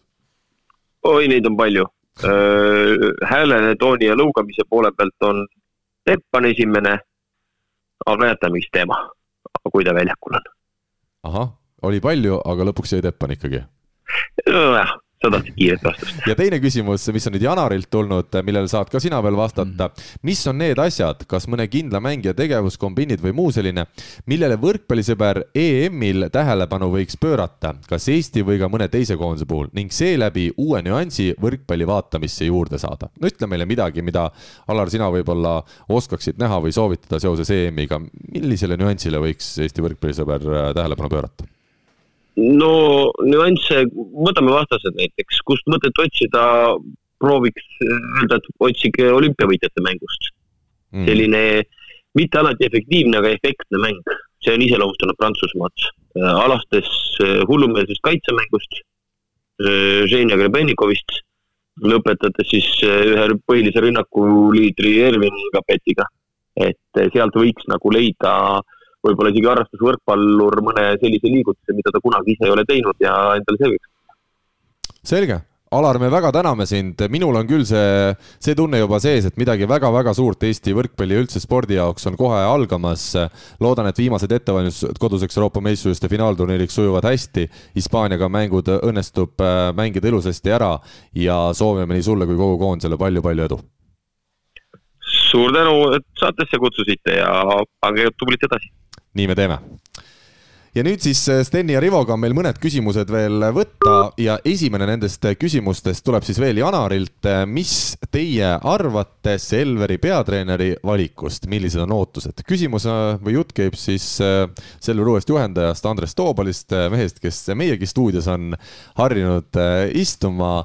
oleme siin Andresega rääkinud ja, ja kuna abitreener on tal sedasi, ütleme mitte ka päris täiskohaga juures, siis ei, ei ole ilmselt Andresel meil sügisest ka väga tihti võimalik kaasa lüüa, aga ta lubas, et kui aeg tekib, siis ta ikkagi tuleb ka mikrofoni ette ja räägib, kuidas seisud tegelikult Selveris on. no mida, Sten, sina ütled, Rainer Vassiljev vahetati nüüd Andres Toobali vastu välja. kui, kui suur ja eriline samm see on? No esiteks on äh, kihvt see, et äh, Rainer võttis väljakutse vastu ja läks äh, Eestist jälle, jälle välismaale, et no ma ütlen ära, Poola esiliiga on tegelikult ja selle tipp on väga kõval tasemel ja seal on mitu võistkonda, kes on komplekteerinud ennast ikkagi sedasi, et lähiaastatel olla ka Poola kõrgliigas suures konkurentsis no ma arvan, et äh, see võistkond, mida Alar praegu või, või Rainer äh, Poolas juhendab äh, Eesti liigas, oleks kindlasti esikoha pretendents, et siin ei ole nagu kahtlustki, et et vaadates seda nimekirja, kes tal seal klubis on, siis noh, nimed on muljetavaldavad, et noh, sidemängija Tihatšek, kes äh, on pikaaegne Tšehhi koondise esi, esisidemängija olnud, et kolmekümne üheksa aastane, ütleme, et see kogemuste pagas, mis tal on, võib võrrelda Gert Toobali omaga, et, et noh, selles vaates noh, mul on Raineri üle eeskätt hea meel, mis puudutab Selverist, siis ma tunnistan, et ega ma ma, mul ei ole kõige paremad teadmised, et milline see mängijate valik neil nüüd lõpp, lõplik seal on, aga Andres Toobalile ma arvan, noh, tal on uus ja huvitav, et äh, siiamaale ta on see, kes äh, jutumärkides on kõrval targutanud ja nõu andnud, nüüd ta peab hakkama ka ise otsuseid vastu võtma, et see on nagu midagi teistmoodi. minu arust on alati hästi huvitav, kui mängija siirdubki edasi kõigepealt siis kuskil abitreeneriks ja siis peatreeneriks, et äh, ühtpidi, kui sa oled mängija, sa oled see, kes mingis mõttes on peatreeneriga alati ju vastupidises rollis ta ei pruugi alati kõigega nõustuda ja nii edasi. ja siis see pea, abitreener on selline vahepealne roll siis, kes peab natukene siduma mängijaid ja peatreenerid, tihti see nii on. ja nüüd siis peatreener, samad mehed, kellega Andres võib-olla on varem koos mänginud või kelle juures ta on olnud abitreener, siis selline toetav. nüüd ta peab hakkama nendelt ise nõudma, olema mingitel hetkedel ilmselt ka päris karm ja saab nüüd näha jah, kuidas see roll välja tuleb, et äh, raske on seda ennustada. Andresel kindlasti mingisugused eeldused äh, peatreeneriks olemiseks on olemas, aga, aga kõik kõike lähemalt me näeme siis selle eeloleva hooaja jooksul ja ma usun, et ka see ei anna veel õiget pilti meile ette, sest üheks heaks peatreeneriks kuuldavasti ühe aastaga ei ole ka lihtne veel saada. no kindlasti, et eks see on nagu pikk-pikk teekond ja protsess, et noh, Andrese kindlasti plussiks on see, et ta on hästi palju olnud äh, erinevate tipptreenerite kõrval abikäsi, et, et äh, see kombo, mida ta enda jaoks sealt kokku pannud on, eks seda näitab aeg. Rivo on ka nõus? Rivo on lihtsalt kurb, et Andrest ei ole siin meie kõrval täna. ei, ei, selles suhtes jah, et äh, eks ta on selle koha nagu ära teeninud ja ja vaatame, vaatame, mis see hooaeg toob, et ma pigem kurb, ma hakkasin just mõtlema seda, et ma ei olegi nagu kuulnud äh, tänase hetkeni, et kes, Sten küsis väga hästi, et kes seal mängib, on ju, või mis ma isegi ei tea üldse, mis võistkonna, mis, kes Pärnus mängivad, kes mängib Selveris. ma tean, TalTechis on äh, Schmidl ja. ja siis Eermaa ja kes see veel side Keel. ja Keel, jah, Martti Keel, aga ülejäänud nagu ma ei tea üldse võistkondadest mitte midagi. ja no Tartu on ju, Tartus me teame kõik, kes mängivad, Tartu on väga korralikult komplekteeritud võistkond no see ongi seesama, mida me rääkisime ka, et meil Tartu Bigbank on sel aastal kõva komplekteeritavusega, kõva klubi, aga ülejäänud kolm, nii nagu iseloomustab ka see, et sina nendest mitte midagi veel ei tea, see näitabki seda, mis seis no, täna on. see võib olla, see võib olla puhtalt minu lollus ja minu asi. no aga nad ei ole ka ise avalikustanud. aga, aga ei, ei olegi nagu kuskilt kuulnud, et mm -hmm kes no, kus mängib, et. no ütleme, et äh, liiga, liigade pressikonverents toimub esimene oktoober, et äh, sinna ajani on veel kuu aega, kuu ja, aega aega. üldiselt on ikkagi juuli keskel näiteks olnud juba päris palju teada klubide kohta, kui on selline tavaline hooaeg. no ütleme, et äh, sul miinimum selline seitsekümmend viis, kaheksakümmend protsenti võiks olla võistkond koos selleks hetkeks, kui, kui, kui sa jah, oma võistkonda üles annad nimekirja. no ja okei okay,, räägime sellest võistkondadest praegu, siis äh, võtan korra selle teema ülesse ka, on ju ennem räägiti, naistega liigas on kaheksa võistkonda. aga nii palju, kui mina tean, siis eelmise aasta meister TalTech, neil ei ole isegi võistkonna treeneritki täna. absoluutselt, jah. et äh, neil ei ole isegi mängijaid seal, kas neli mängijat, kes on öelnud, et umbes jah, me oleme nõus, et äh, samamoodi noh, ma ei tea, Pärnu nende, nende, aga, aga eelmise aasta Eesti nais, meister, meister naiskond võitis kõik asjad, mis võita mm. sai ja täna ei olegi neil mitte midagi no.. me jõuame naiste võrkpalli juurde veel, sest meil on see pandud täna täitsa eraldi viimase teemarubriigina kirja, aga ma võtan siit ära veel selle viimase küsimuse, ma vaatan, kas me saime siit äh, vastuse kätte Janari küsimusele. Äh, jah me üldpildis andsime teada, mis me Selveri uuest peatreenerist Andres Toobalist arvame. soovime edu. eelkõige on ta hea jutumees, nagu saates vaja on, aga loodetavasti on ka hea tegudemees. ja nüüd siis viimane küsimus, see on veel tulnud Ainilt, kes meil täna siis saatis kokku, kui ma ei eksi, neli küsimust ja see on nüüd siis äh, Rivo Vesiku selline personaalteema mille taha jääb rannavõrkpallis Rivo Vesiku poolt pidevalt tagaaetava süsteemi mittetekkimine? ainult alaliidu huvi taha on küsimärk kuidas me sinna siis saaksime inimesed, keda rannavolle ka huvitab, kuna rannavollega saaks Eesti rahvas, rahvale sama vägevaid emotsioone tekitada, nagu lätlased nüüd said. aga meil tundub, et on see ala puhtalt eraisikute vedada jäänud, Arak oma akadeemiaga, Nõlvak Tiisar on põhimõtteliselt ettevõtjad, mitte sportlased, Rinaldo oma turniiridega ja nii edasi. tundub, et on inimesi, kellele asi korda läheb, aga kuhu jääb siis see süsteem? noh, eks ta alaliidu huvi ole selles suhtes äh,. Äh, noh, kuidas ma ütlen, ta ongi konkreetselt äh,, peakski olema alaliidu huvi äh,. nüüd, nüüd see aasta äh, üle pika aja näitas reaalselt alaliit ise huvi üles, helistasid minule, küsisid, mida saaks teha, kuidas saaks teha me leppisime kokku, et me saame kokku peale EM-i, kui kõigil on vähe rahulikum aeg, on ju, ja, ja et räägime siis ja arutame seda asja, et see, see on esimene kord, kui alaliit ise tuleb nagu, noh, mina, võib-olla, võib-olla ma praegu teen kellelegi liiga, aga esimene kord, mida mina mäletan, kuidas nemad teevad nagu esimese sammu. Ma rääkisin Kristjan Kaisiga siin paar päeva tagasi sellest, kogu sellest teemast ja, ja ütleme nii, et äh, Äh, olukord on hetkel selline, et kaheksa või kümme aastat tagasi toimuma pandud igasugused noortekoondised, nii edasi, nii edasi, nii edasi, kust tegelikult see progress pidi algama juba. Äh, on, on, asi on läinud tegelikult sammu tagasi. et äh, see on see kurb pool. teine pool on see, et enne kui ei võeta rannavõrkpalli ka Eestis kui tõsist sporti kui spordiala, mis on spordiala, täna minul on selline tunne, et siiamaani on rannavõrkpall on äh, hobisport ja see on huumor ja nii edasi, nii edasi, nii edasi, siis äh, ja seda ka alaliidus, on ju, siis ega see ei liigugi kuhugi, et, et ta ongi, ta ongi eraisikute peal siiamaani ja ongi nendel, kes, kes tegelikult, keda see tegelikult ka huvitab. ma Ainiga ei ole nõus, Mart ja Kusti on professionaalsed sportlased, nad ei ole ettevõtjad selle koha pealt äh, kas ta mõtleb seda, et nad peavad oma raha ise endale kokku ajama ja nende toetajatega iga päev rääkima ja uurima no,, kes mida on jah, jah, täna ikkagi nende kõige suurem toetaja oli olümpiakomitee, kui ma ei eksi. Siin, siin ma muidugi ei tea, et ma teiste rahakotti ei vaata üldiselt, et. üldiselt? jah, et ala, vahel... alaliit neid toetab ka ja mm, -hmm. ja, ja olümpiakomitee oli nende, nende suurtoetaja, et nendel on tegelikult nagu riigi tugi olemas, aga aga päeva lõpuks on see jah nii, et eh, nad teevadki ilma mingi süsteemita, nad ei tea, noh, võtame näiteks Mart Iisar on ju, et ta on väga hea plokimängija ja, ja Kusti, kes on väga hea kaitsemängija, siis ütleme, kui Kusti üks hetk ütleb, et kuule, Mart, et me anname viitsi kahe aasta mm. pärast, siis ega tegelikult Martil, noh, küll täna on meil Dima ja Timo, on ju aga peale neid ju tegelikult täna kedagi ei ole, et kui keegi kuskilt lõpetab, kui nendest ütleme, ja Mart võtab näiteks, ütleme, okei okay,, ma hakkan Dimaga mängima, siis pole Timol kellegagi mängida enam. et meil on täna kaks paari, kes on nagu niinimetatud professionaalsed rannavõrkpallurid, aga need mõlemad paarid on nii, et kui keegi kuskil lõpetab, siis, eh, siis peab ka teine paar lõpetama põhimõtteliselt.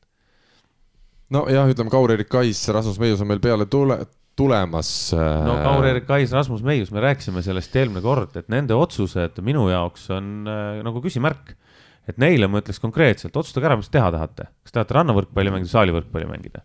Kui te tahate mängida rannavõrkpalli, siis te peate täna hakkama aastaringselt tegema mm. trenni, sest muidu sellest ei tule mitte midagi mm.. tahad saalivõrkpalli mängida, palun, mängige TalTechis, Pärnus, kus iganes. tead, Kauriga rääkisin ka pärast seda, kui me eelmist saadet tegime, kus me sellest samast teemast rääkisime, siis Kaur ütles, ta tunnistaski, et ega tema noore inimestega ta ei mõelnudki, et ta võiks sinu poole üldse pöörduda sellise küsimusega, et saada abi, et et kui tema oli nii-öelda siiamaani selles saali võrkpallisüsteemis sees, eelmine aasta Pärnus, sel aastal TalTechis, siis ta ei, ta ei olnud ise veel päris nii, nii kaugele mõelnud seda asja, et, et tal võiks olla üldse kuskilt mingit abi küsida reaalselt nii, et see inimene ka on nõus seda abi andma, et, et.... veel, veel kord ütlen kõikidele noortele võrkpalluritele, mina isiklikult ei tea ühtegi võrkpallurit äh, nagu võrkpalliseltskonnast või sellest ringkonnast, vanematest mängijatest, koondise mängijatest äh, Äh, ma ei tea, alaliidu tegelastest, äh, klubi tegelastest, ma ei tea ühtegi inimest,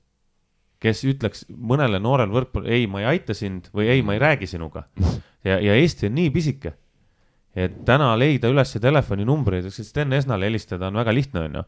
et äh, leida üles need inimesed, sest keegi teab kedagi, küsige, julgelt küsige ja, ja te saate vähemalt, kui mitte nüüd otsest abi, te saate mingeid vastuseid, noh, te saate võib-olla mingi teise vaatenurga ja nii edasi, nii edasi, et, et kui on küsimusi, siis julgelt küsige ükskõik kelle käest. vaata, Umma Muudul oli hea laul ka, ütle mulle oma telefoninumber. no vot, sa oled ikka vana inimene, mulle tundub. ikka olen. no sa ütlesid ka, et mis keskiga nelikümmend viis või? Äh, ja ma nüüd toon siin sisse teise vaatenurga, sina ütled, et see ei hakka enne pihta, kui alaliit ei tekita midagi. mina julgen öelda, et see on hakanud juba pihta sealt siis teiselt poolt. kui me täna vaatame, meil on Tallinnas äh, kaks halli, Haaberstisse tuleb kolmas juurde, ma sain just eile kokku ühe ettevõtjaga, kes, äh, kelle lapsed mängivad rannavõrkpalli ja kes peab plaani, et äkki, äkki leida rahastused teha Tallinna külje alla ka neljas rannahall.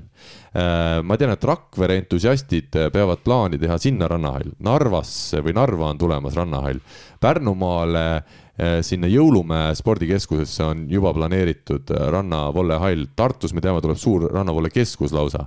Eh, noh, nõus on juba olemas. rannaspordikeskus. rannaspordikeskus, no jah, aga ühesõnaga, et, et neid kohti hakkab nii palju tulema, et uskuge mind, ükskõik lõpuks, kas alaliit hakkab meeletult sinna panustama või mitte, see rannavolle ja ütleme, rannasport üleüldiselt, ma pean silmas ka rannatennist, on kasvamas kõvasti populaarsemaks. ma tõmban, ma tõmban nii... kohe pidurit sulle, Karl, siin äh, ja, ja me jõuame selle, selle juurde tagasi, mis meil siin teema oli. meil on olemas ka võrkpallisaale, vabandust väljenduse eest, tohuja, nagu vene keeles öeldakse. see ei tähenda seda, et sealt tuleb mängijaid. see ei tähenda seda. Need on, need kohad on, äh, need kohad on harrastajatele.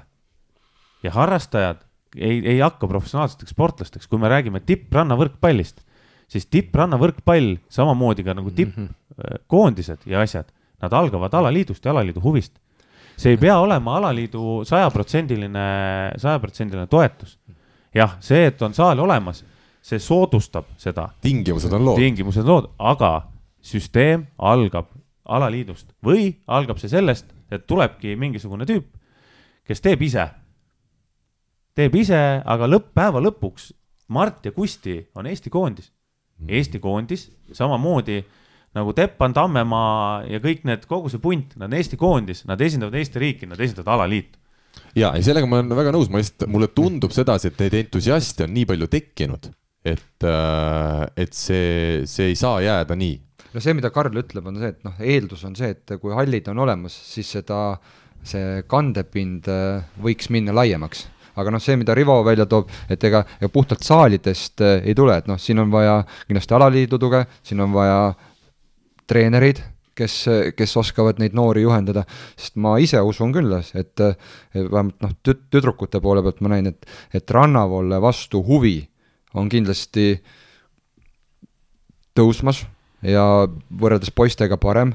Ja, ja noh, kui küsida, et kas Eestil on võimalus olümpiale saada saali- või rannavõrkpallis, noh siin ma kirjutan kahe käega alla, et ainult rannavõrkpallis, et noh, saali võrkpallis me võime unistada, et me jõuame kunagi olümpiale, noh rannavõrkpallis ma julgen öelda, et see on realistlik. aga noh, mina ütlen küll seda vastu, et me ei saa sellepärast, et meil olümpial on parem medal võita nüüd äh, rannavõrkpallis, me ei saa sellepärast kõik saalivõrkpallid ajada kohe nagu randa. aga lihtsalt ma olen ka nõus, et sellel on ka suur väljund olemas äh, saavutuste osas, jah. no seal hakkab, noh, ma ise usun, et see, et infrastruktuur tekib, see võimaldab lihtsalt äh, seda ala kandepinda rohkem laiali tõmmata ja siis tekibki need kohad, kus hakkavadki juba kümne, kaheteist, neljateistaastased väiksed juntsud käima ja harjutama liiva peal sama palju kui saalis ja siis tekib see nagu noh, konkurents kahe ala vahel ka ära. aga mina küsin teie käest, kas ei ole võimalik, et kui Eesti Võrkpalliliit ütlebki, et meil ei ole lihtsalt piisavalt raha, et anda saali ja randa mõlemasse kõvasid äh, vahendeid või kõvu vahendeid,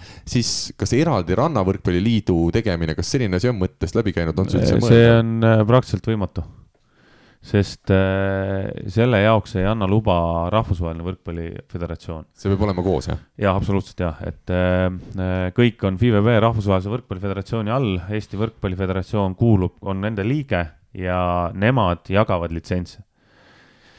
ja me võime siin teha, välja mõelda igasuguseid asju, aga kõik litsenseerimine, kõik paberid, kõik käivad läbi Eesti Võrkpalli Föderatsiooni, me võime teha selle alaliidu, niinimetatud alaliidu, aga me ei saa sellega ametlikult mitte mm -hmm. midagi mhm. teha, et ja teine teema, see saalide teema, mitte ükski entusiast, mitte ükski inimene ei tee seda saali sellepärast, et hakata äh, Eesti rannavõrkpalli arendama, mitte keegi. jaa, seda ma tean. Need on ärilised projektid kõik, noh, see on, äh, see on äri, see on, see on puhas raha teenimise koht. et äh, mõelda välja jälle noh, sa, sa, sa ütled, et me, Eesti Võrkpalliliit äh, ei saa panustada saali ja randa on ju korraga, et ei olegi raha, ma saan aru, see on, kõik on okei okay., aga see ei ole raha koht. see on kõige esimesena tuleb välja mõelda süsteem, kuidas me seda tegema hakkame mm., kust me hakkame minema. nagu Sten ütles, on ju, et noored hakkavad tegema me hakkame minema, meil on mingi vaheetapp, kus on kõige raskem, mis on üheksateist kuni kakskümmend kolm vanus, on ju, kust kaovad inimesed ära, no lähevad ülikooli, lähevad saalivõrkpalli, kuna seal on lihtsam, rannast, rannast kaovad ära. me peame tegema mingisuguse jätkusuutliku projekti, mis hakkab kasvama. selle asja juures tuleb kohe mängu see, me ei saa kasvatada kaheksakümmend rannavõrkpallurit, noh, sel, sellel ei ole, neil ei ole mitte midagi Eestis teha päeva lõpuks et kui me võtame kaheteistaastased lapsed, me peamegi mõtlema ja see, see ei ole ainult Eesti probleem, see on igal pool nii. et noh, Saksamaa, mõned riigid on eraldi, erandid, kus on oma rannavoole tuur on nii tugev, et sa saadki olla professionaal mm.. ja, ja sa saadki olla professionaal, sa, sa, sa teenid nagu sealt raha.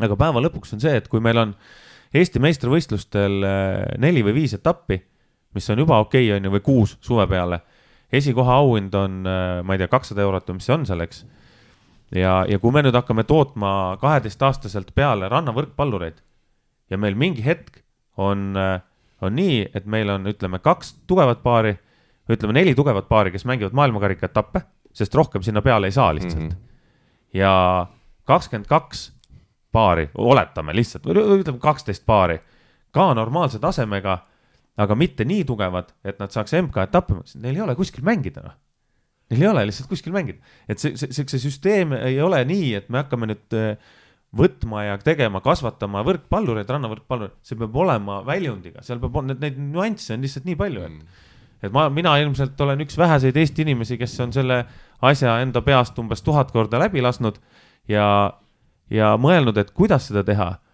ja see ongi kuradi keeruline. mm.. aga algust teha, teha esimene samm, ma arvan, et siin ei ole ainult alaliidu, noh alaliidu huvi, mis täna on olemas, on, on tähtis. aga siin on vaja ka inimesi, kes, kes aitavadki just ka alaliitu, sest ega, ega neil ei ole lihtne, noh, ma, saan aru, kõik asjad Mhm. tahavad koordineerimist täpselt, kõik tahavad, kõik asjad tahavad koordineerimist ega see saalivõrkpalli teema ei ole ka nii, et, et noh, et nüüd me teeme jõhkralt, on ju, lastetrenne, meil on hullult lapsi tuleb peale, kus lähevad need lapsed lõpuks? Mina võtaks selle teema nüüd kokku, sest meil on üks teema veel vaja võtta ja meil on Rivoga jätkuvalt vaja ka Saku Suurhalli täna jõuda, ma ei tea, mis Sten pärast saadet teeb, võib-olla sa jääd üksi siia. trenn, ma trenni andma. Sten läheb, Trenni jääb, andma? jääb Aa. siia koristama. kas nii hull oli? ma pean tunnistama, et see stuudio on meil parajalt liivane, sest minu rannavalluhooaeg veel käib. ei ole hullu midagi, me oleme harjunud sellega. aga sa oleks pidanud eile Steni nägema peale seda trenni. Ahah, seal ainult liiv oligi. planeeritud Sten. aga muide, Rivo, sinu eelmise nali Kajav, Kajav, Kajav, Rene, Rene, Rene on saanud palju head tagasisidet. Rene hakkas kajama siin mingi hetk. see hakkas kajama ja ma ei tea, kas see ruum kajab, kajab, kajab või igatahes oli, oli, oli küll nii ja, ja, ja. mis on parim küsimus, meil on Grade kakskümmend neli Eesti võrkpalli taustajõud pannud välja parima küsimuse esitleja, esitajale kaks piletit Eesti-Prantsusmaa mängule pluss Grade kahekümne nelja pusa ma ütleks, kõik küsimused olid täna täiesti siiralt äh, väga head ja asjalikud. Mi-, minule meeldis äh, rannapolle küsimus, kus Rivo pani võistkonna kokku. see oli huvitav kuulata, vähemalt minule, see on minu hääl. nii, tead, mina, ma paneks omalt poolt, kusjuures noh, teeme nii, et siis Karl saab valida sealt kahe jah. nii, et äh, mina paneks selle küsimuse, mis oli nende mängijate kohta, kes välismaale pole läinud. see oli ka hea et see oli hea küsimus, pani mõtlema ja, ja, ja tõesti noh, neid, neid mehi meil on, et jah, ma ütleks ka, kuna me ei suuda vist elu sees täpselt öelda, kes nendest äh, rannavõrkpallitest maailma tipus võiksid saalis mis positsioonil hästi mängida, aga seda me teame hästi, kes meil välismaal ise ei ole käinud, siis saalivõrkpalluritest ja selle üle arutada oli päris mõnus ja nagu me nägime, kõigil meil tulid erinevad nimed välja, mis näitab seda, et, et neid mehi, kes on ikkagi heal tasemel ka Eestis ainult mänginud, on, on tükk, tükk jagu, et äh, siis, siis see oli hea küsimus. nii et küsimuse anname teema. On siis meil Hannes Hansalu, ma tean, noh, Rivo kõiki Eesti võrkpalliinimesi tunneb ka. üks päev nägin teda jälle No mängimas kuskil. siis pole ime, mina tänan äh, Hannest ja kõiki teisi hea küsimuse eest. Hannesega võtame siis ühendust, Eesti-Prantsusmaa kaks piletit on sinu ja võta siis koroonapass kaasa või tee üks kiirtest seal enne saalis ära ja pusa tõmba ka selga, et saaks juba mõnusalt mängu nautida. aga meil on aeg võtta ette kiiresti-kiiresti järgmine teema. kas Eesti murrab Euroopa tipud? võrkpalli Euroopa meistrivõistluste finaalturniiril lüüakse pall maha. kes võidab keda? kas sina oskad ennustada seda? spordiennustus portaalis Pahv. Pahv lööb pahviks. Pahvi ennustusrubriik ja ai-ai-ai, kohe esimesel nädalal tõmbas ikkagi väga suureks need vahed sisse. Rivo, kas sa tead, kuidas sinul läks eelmise nädala siis meie pandud ennustused? ma võitsin, sa võitsid ja sa võitsid väga suurelt. No sa pakkusid naiste EM-il siis, et Poola võidab Saksamaad, nii läkski, sa Jep. kasvatasid sealt siis kahekümne euroga panustades oma summa neljakümne kahe koma nelja peale. Ja Bulgaaria võidab Kreekat, sa ütlesid, loomulikult Bulgaaria võitiski, tõsi, koefitsient oli üks koma null üheksa, nii et kümne pealt sa said kümne koma üheksa peale. No no,. kokku kasvas sinu saldo kahesaja euro pealt kahesaja kahekümne kolme koma kolme euro peale. Ja sa oledki meie tabeli liider. Rene pakkus ka õigesti, et Holland võidab kolm-null Ukrainat, sai sealt siis kakskümmend eurot pani mängu, üks koma kuus oli koefitsient, tõmbas kolmkümmend kaks ja Soome võidab vähemalt geimi Rootsit, lõpuks võitis kaks geimigi ja selle koefitsient oli üks koma viiskümmend kuus, kümme eurot, sellest sai viisteist koma kuus ja kokku siis kakssada seitseteist koma kuus eurot on nüüd Reneel, kakssada tuletame meelde, oli siis eelmise saate alguses meil kõigil see stardipakett, Alar, jumal tänatud, et ta on läinud praeguseks juba koondisega trenni, tema ütles, et äh, vastupidiselt Rivole hoopis Saksamaa nahutab Poolat, sellega kõvasti läks äh, rongi alt läbi ja tema siis pani kolmkümmend eurot mängu ja sai vastu nulli, koefitsient oli üks koma kuuskümmend viis. nii et äh, Alari saldo langes nüüd saja seitsmekümne peale ja mina siis äh, panustasin hoopis Guatemala jalgpalliliigat ja kuna horvaat Družan Ivkovic kahjuks nagu... kahjuks tuli välja, et ta viga, kerge vigastusega oli eemal. Lä,, lähendaja, Lähendaja kaugendaja ligas, lihas oli tal haige.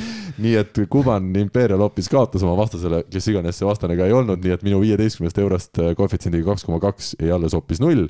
nii et langesin kolmandale kohale saja kaheksakümne viie euroga. aga nüüd meil siis tuleb ka selline äh, viies osaleja, sõbrad saate sõbrad ja Sten saab siis oma panused panna, aga mina esmalt äh, lasen Rivo sinul öelda, mille peale sina tahad seekord meil oma ennustuse teha, sul on siis võimalus seda suurt summat veel kasvatada. ja ikka kolmkümmend eurot on ju. Te, jah no, teeme kolmkümmend. muidu sul läheb miljoni peale varsti see. Davai, aga ma täna, täna, kui äh, ma täna olen valinud hoopiski sellise kaks väga huvitavat mängu. üks on Itaalia liiga, Serie A jalgpall, ahah, ahah.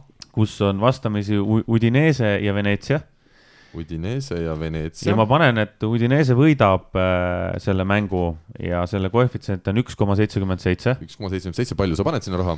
ma panen selle mängu peale, ma panen kakskümmend, Assa jälle, jah. jälle hakkad kübarast tõmbama neid jäneseid välja. ja teine mäng, mille peale ma panustan, on siis äh, Kouvolan pallolööjad ja Kempelen Kiri Soome pesapalliliiga mäng. ja ma panen, et Kouvolan pallolööjad, pall on lööjad oh., Kouvolan pallonlööjad võidab selle mängu ja selle koefitsient on kaks kümme, kaks koma üks null kaks koma üks null ja sa paned kümme eurot sinna. ma panen sinna kümme eurot, et Kouvolan pallonlööjad võidavad Kempelen Kiri. asi läheb huvitavaks. Sten, mida Nii. sina oled leidnud? Pahvi, see, see, see on, see on ulmeline, sinna saab igasuguseid asju ennustada, ma pole kunagi sinna niimoodi süvenenud, et see Pahvi teema on päris äge. on, on. nii, mina Pahvi mehena panen äh, naiste EM-i ennustan võrkpallis ja kuulame. ja selline huvitav paar nüüd on kokku läinud nagu Holland-Saksamaa. see on siis äh, kuusteist paremat on alles jäänud. täpselt, peale eilset ja nüüd äh, pakun Saksamaad võitjaks, ja, ja koefitsient üks koma üheksakümmend neli, ja palju paned? palju mul on? kolmkümmend. paneme viisteist. ei, ma mõtlesin, et sa. jah, ja teine. teine on äh, rahvusvahelised sõprusmängud võrkpallis ka ja siin on selline Saksamaa-Holland, see on mehed mehed mm. -hmm. ja siin panen ka Saksale, nii, meil on tulnud välja üks tore Saksamaa mees Täpselt. nimega Sten Aisna. Aisna, üks koma kolmkümmend seitse Saksamaa koefitsient ja panen nemad võitjaks, nii, ja siia siis ka viisteist. täpselt. selge ja mina olen taas otsustanud, no seekord Guatemala liigas ma valmistas pettumuse, ei mänginud Ivkovic ja kohe, kohe tõmbas tuju alla, mina Guatemala liigat enam sama tõsiselt edasi ei jälgi. küll aga Liverpooli suure toetajana ma näen, et nad kodus võidavad Chelsea't, koefitsient on küllalt kõrge, kuna Chelsea on ka hooaega väga hästi alustanud. nii et Liverpooli koefitsient kodus, et see mäng võidetakse, on kaks koma viis, sinna ma panen kümme eurot Sadio Mane äh, lööb Liverpooli eest värava, koefitsient kolm koma kuus, see on ka kindel. siit tuleb järgmised kümme eurot ja lõpetuseks ma ütlen, et Evertoni uus peatreener Rafael Benitez viib siis meeskonna võõrsil võidule Brightoni vastu, koefitsient kolm koma kaks ja kümme eurot, nii et äh, Liverpooli endine peatreener Benitez, kes nüüd on siis linnarivaali ridadesse läinud, võtab siit ilusasti mulle ka seda saldot äh, juurde ja, ja olen järgmisel nädalal kindlasti juba plussis. Nii et meie täname Pahvi, see rubriik on äh, lõppenuks aeg kulutada. jah, selles suhtes on äh, väga huvitavad ennustused, et kõik ikkagi noh, kõik, kõik ennustasid kindla peale, et keegi suurt mingit riski ei võtnud seekord ja no eksperdid, eksperdid, eks, eks me teame ka tegelikult asju. tuleta meelde, Rivo, mis see võistkond oli, kelle peale sa ennustasid see pesapall, Soome pesapall? Kuovola on pallulööjad. väga hea, ongi selge. nii et läheme edasi, võtame ette tänase saate viimase teemaploki.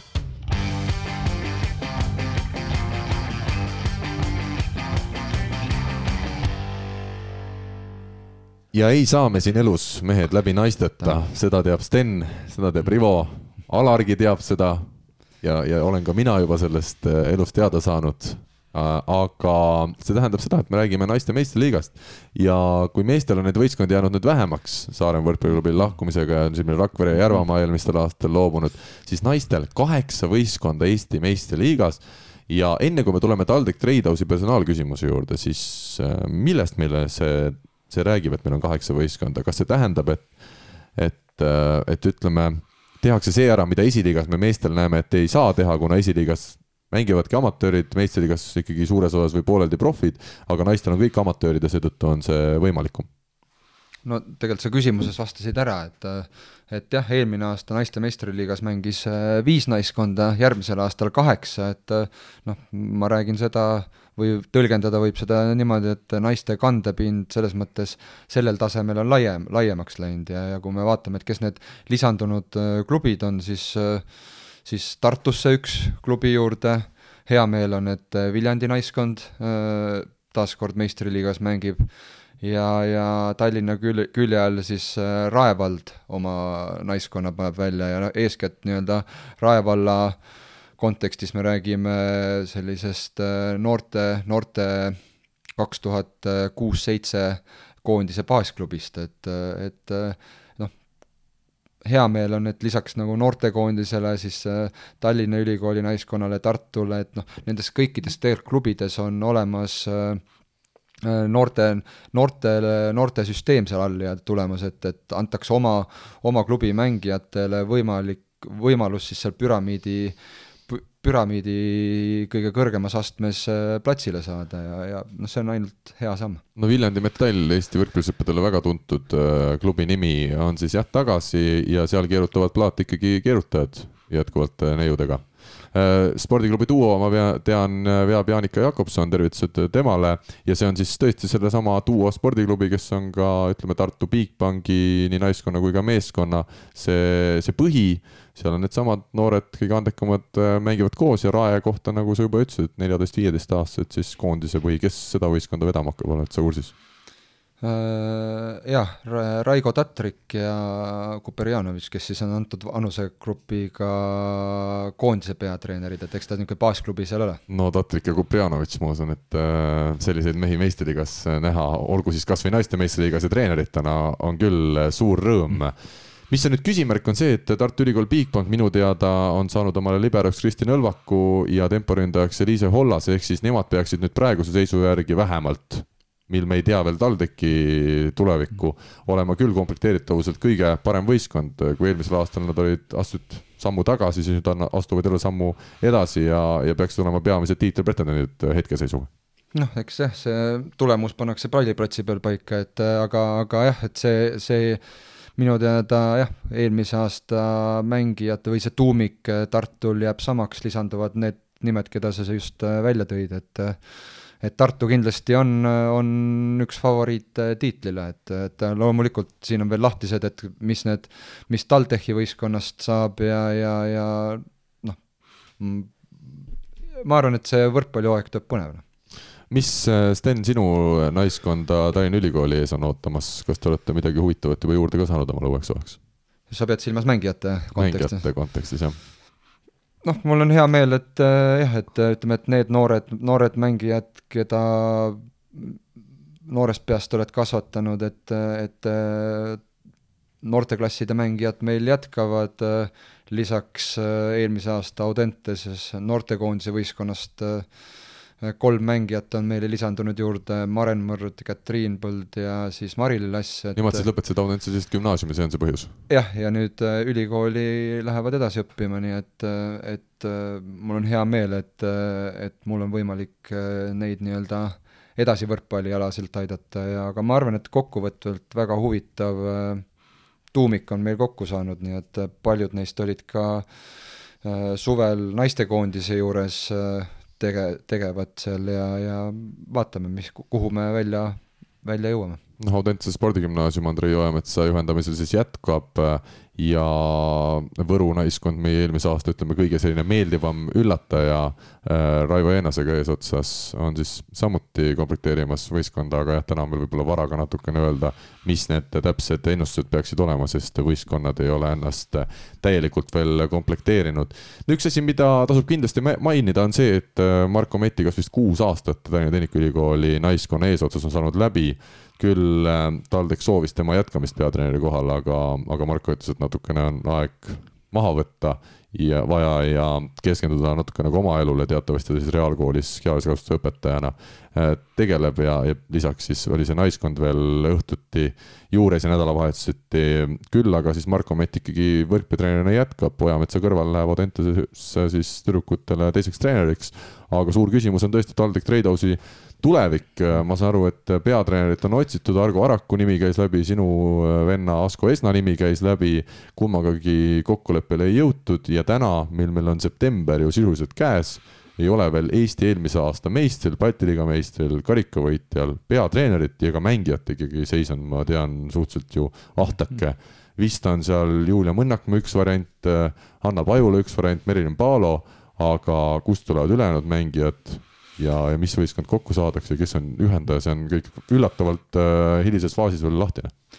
no ütleme, et jah, et olukord nende vaates on kindlasti kriitiline, et ega, ega äh, sellises faasis äh, hooaja alguses äh, nii suures teadmatuses ei tahaks, tahaks ise kuidagi olla, et et eks siin, eks siin peab seotud inimesed eh, nii-öelda omad järeldused tegema, et eh, miks need mingid teatud asjad eh, nii hiliseks jäeti, et ega seda, seda poolt ei oska kommenteerida, kindlasti nagu mängijate vaates olukord on noh, see teadmatus on kõige hullem asja juures, et, et et kõik füüsilise ettevalmistuse ja pallitreeningud juba ammuilma osad võistkonnad teevad, et kui nad sellest osast nagu maha jäävad, siis kindlasti hooaja algus saab selle võrra olema nagu keerulisem. ja ma tean, et Treidhaus, kes neid ju toetab, seal oli vist selline diil, et, et äh, ikkagi selles kokkuleppes on kirjas, et äh, naiskond äh, peaks olema ka sel aastal välja pandud, et et saab olema huvitav näha, soovime Uku Rummile, kes on meiega saates palju kaasa löönud, edu, et ikkagi õnnestub viimasel hetkel veel naiskond kokku panna ja peatreener ka leida. aga, aga kutsume siin saates üles, et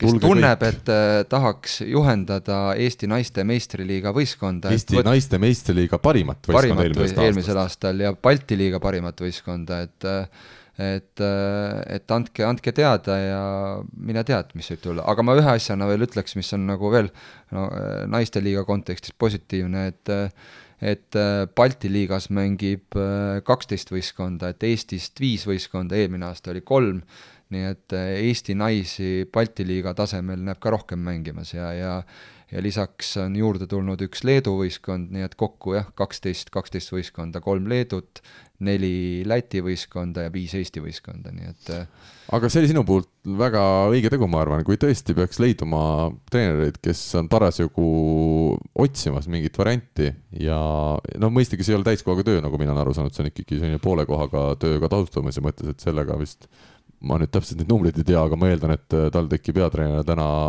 ära elatada ennast on, on väga keeruline, et siis, siis andke märku, ma usun, et äh, Uku, äh, Uku Rummi numbri oleme valmis ka meie toimetama selle inimeseni, kellel on huvi, kunagi ei tea, kust mingil moel võivad mingid asjad alguse saada. Rivo, mis sina arvad? kusjuures mäng, mängijatega samamoodi, et kes tahab mängida, et praegu on teie võimalus ma vaatasin võtke Rivo... ühendust ja, ja, ja saate põhimõtteliselt peaks kohe peale saada. Rivo täpselt sel hetkel, kui me rääkisime sellest, vist enne ütles, et võikski ühendust võtta inimesed ise, siis Rivo vaataski kuidagi telefoni poole ja võttis selle näppu, et ma ei tea, kas sul juba esimesed sellised äh, kirjad on saadetud. ma saatsin, ma saatsin Ukule ainult numbri ühe numbri ja kui tuleb jah, siis, siis ma lähen. kuule, aga vaata, me alustasime saadet niimoodi, et, et äh, sõbrad või, või mis olid rannavolle kaaslased, äkki vaata Rivo Venemaa koondises seda lepingut ei saa mm -hmm. ja võtab hoopis TalTechi naiskonna äh, selle. ja viib nad randa. jah, ja siis võib-olla noh, me saame ka mingi tiitli, et nagu naisteliiga treener, nagu konkurendid, mingi uue tiitli juurde. ja, ja ja mina lihtsalt kujutan ette, et vaata, et kõik, kes on TalTechi spordirannas käivad, käinud, teavad, et sealt saab äh, kohe sealt saali kõrvalt saab ilusasti uksega sinna rannaväljakutele, mis on kaks tükki seal kõrval. nii et ma arvan, et kui Rivo läheks sinna, ta vaataks Uku, keegi ei näe, kuskil Rait Kabin ka ei vaata ja viib need naised jälle sinna rannavalveväljakule ka talvel ja siis jälle ilmselt Uku peavad tagasi tooma naiskonna, et kuule, ei saa nii, et meil on vaja ikkagi saalis trenni teha. ta arvab, et tekiks konflikt või sa ütleksid, et nii, nii palju asjad käivad ja treener vastab nii ongi. jah, me oleme nüüd äh, väljas, teeme. aga ma võtaks tegelikult selle teema selles suhtes kokku, et äh, äh, minu küsimus on, on, on nagu see, et miks on lastud nii kaugele see asi üldse? see on meie kõigi küsimus. see, see, see on nagu kõige suurem küsimus selle puhul, et oh no aga ütle mulle, ma saan ka selles suhtes natukene klubist aru, ega ma ei, ma ei ütle, et see on õige, et septembri alguses sul ei ole võistkonda koos, aga kui sul ongi vaja, no ma ei tea, mis, mis see summa on, pool tuhat eurot, mis pakutakse kuus sellele treenerile, kes peab ma, ma mõistan, kõik õhtud panema Kar... kinni, ta peab nädalavahetusel sõitma ise bussi või autoga sinna vedama neid naisi sinna Lätti ja Leetu. see ei ole mingi unelmate amet. ma mõistan seda, seda ma mõistan jaa mm., aga siis on ju noh, selles suhtes jälle mitte kritiseerida kellegi tööd aga seda, kui Argo Arak augusti alguses ütles, et ta ei taha või ei võta vastu seda asja, mhm. noh, nii kaugele ei saa lihtsalt lasta, no see ei mm -hmm. ole okei okay,, kui sul on meistriliiga võistkond mm. -hmm. sul on inimesed, kellega sa saad suhelda, kelle käest sa saad küsida, on ju sul peaks olema ju paberi peal mingi või peas mingisugune nägemus asjast no, ja siis küsidki, sa, sa saad ju Argo Arakule täpselt samamoodi mm -hmm. öelda, et kuule, et et Akse, et mul on vaja juuni kaheksateistkümnendaks juuniks on vastust kas jaa või ei.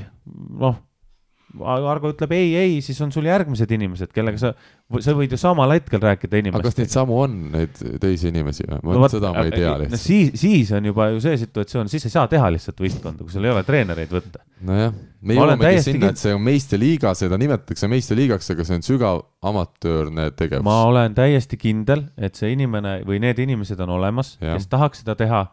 Äh, neid tuleb otsida lihtsalt tuleb otsida, et keegi tänapäeval, noh, Sten viskas siin õhku, on ju, et tulge, keegi ei tule sulle täna ise küsima su käest mm, -hmm. et et kuuled, et ma tahaks sul võistkonna treeneriks tulla, on ju, see, see, see lihtsalt ei toimi nii.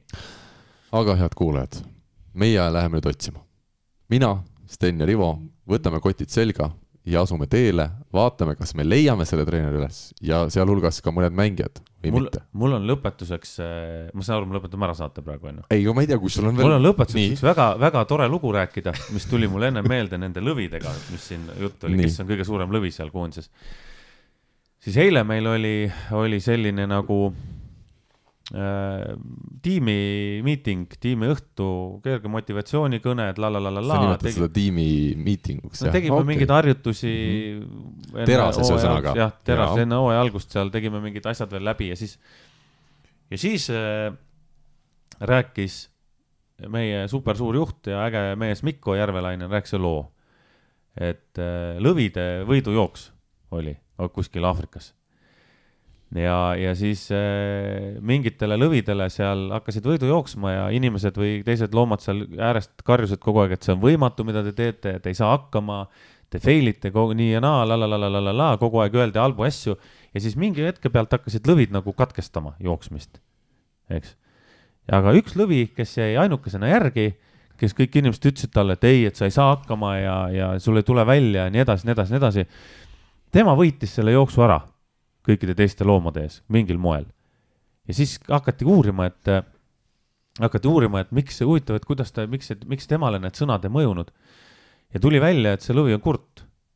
et ta lihtsalt ei kuulnud, mida inimesed äh, rääkisid ja tegi oma asja edasi. ja, ja siis, äh, kui Mikko Järvelainen küsis, äh, et mida te sellest loost järeldate, siis üks teine tore Soome poiss, Sander, ütles kurdid lõvid jooksevad kiiremini kui tavalised lõvid mina selline poolt, põnev lugu. see, see Lõvikuninga saaga nüüd sai jätkuda, ei olnud mitte ainult uut filmi vaja, vaid sai ka Rivo looga.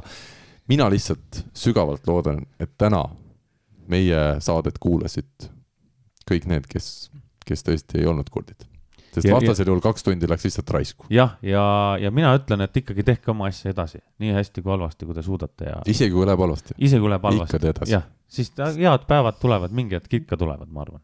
Sellise toreda sõnumiga on hea võtta tänane saade kokku, lõpetuseks tänaks mina kõiki meie kuulajaid, kes meid Patreonis jätkuvalt äh, toetavad. sellest on suur-suur abi ja ühtlasi tänan isiklikult Pärnu võrkpalliklubi fänne, kellelt võrkpalli kakskümmend neli oma kolmeaastase tegevusaja jooksul esimese tänumeene pälvis. ka selle üle on siinkõnelejal väga-väga hea meel ja sõnadesse seda kõike ongi raske panna. aitäh teile, uus saade aga uuel nädalal, tänaseks kõik, kohtume jälle. aitäh ja saatke raha Eesti kõige põnevamad podcastid on Delfis, kuula tasku.delfi.ee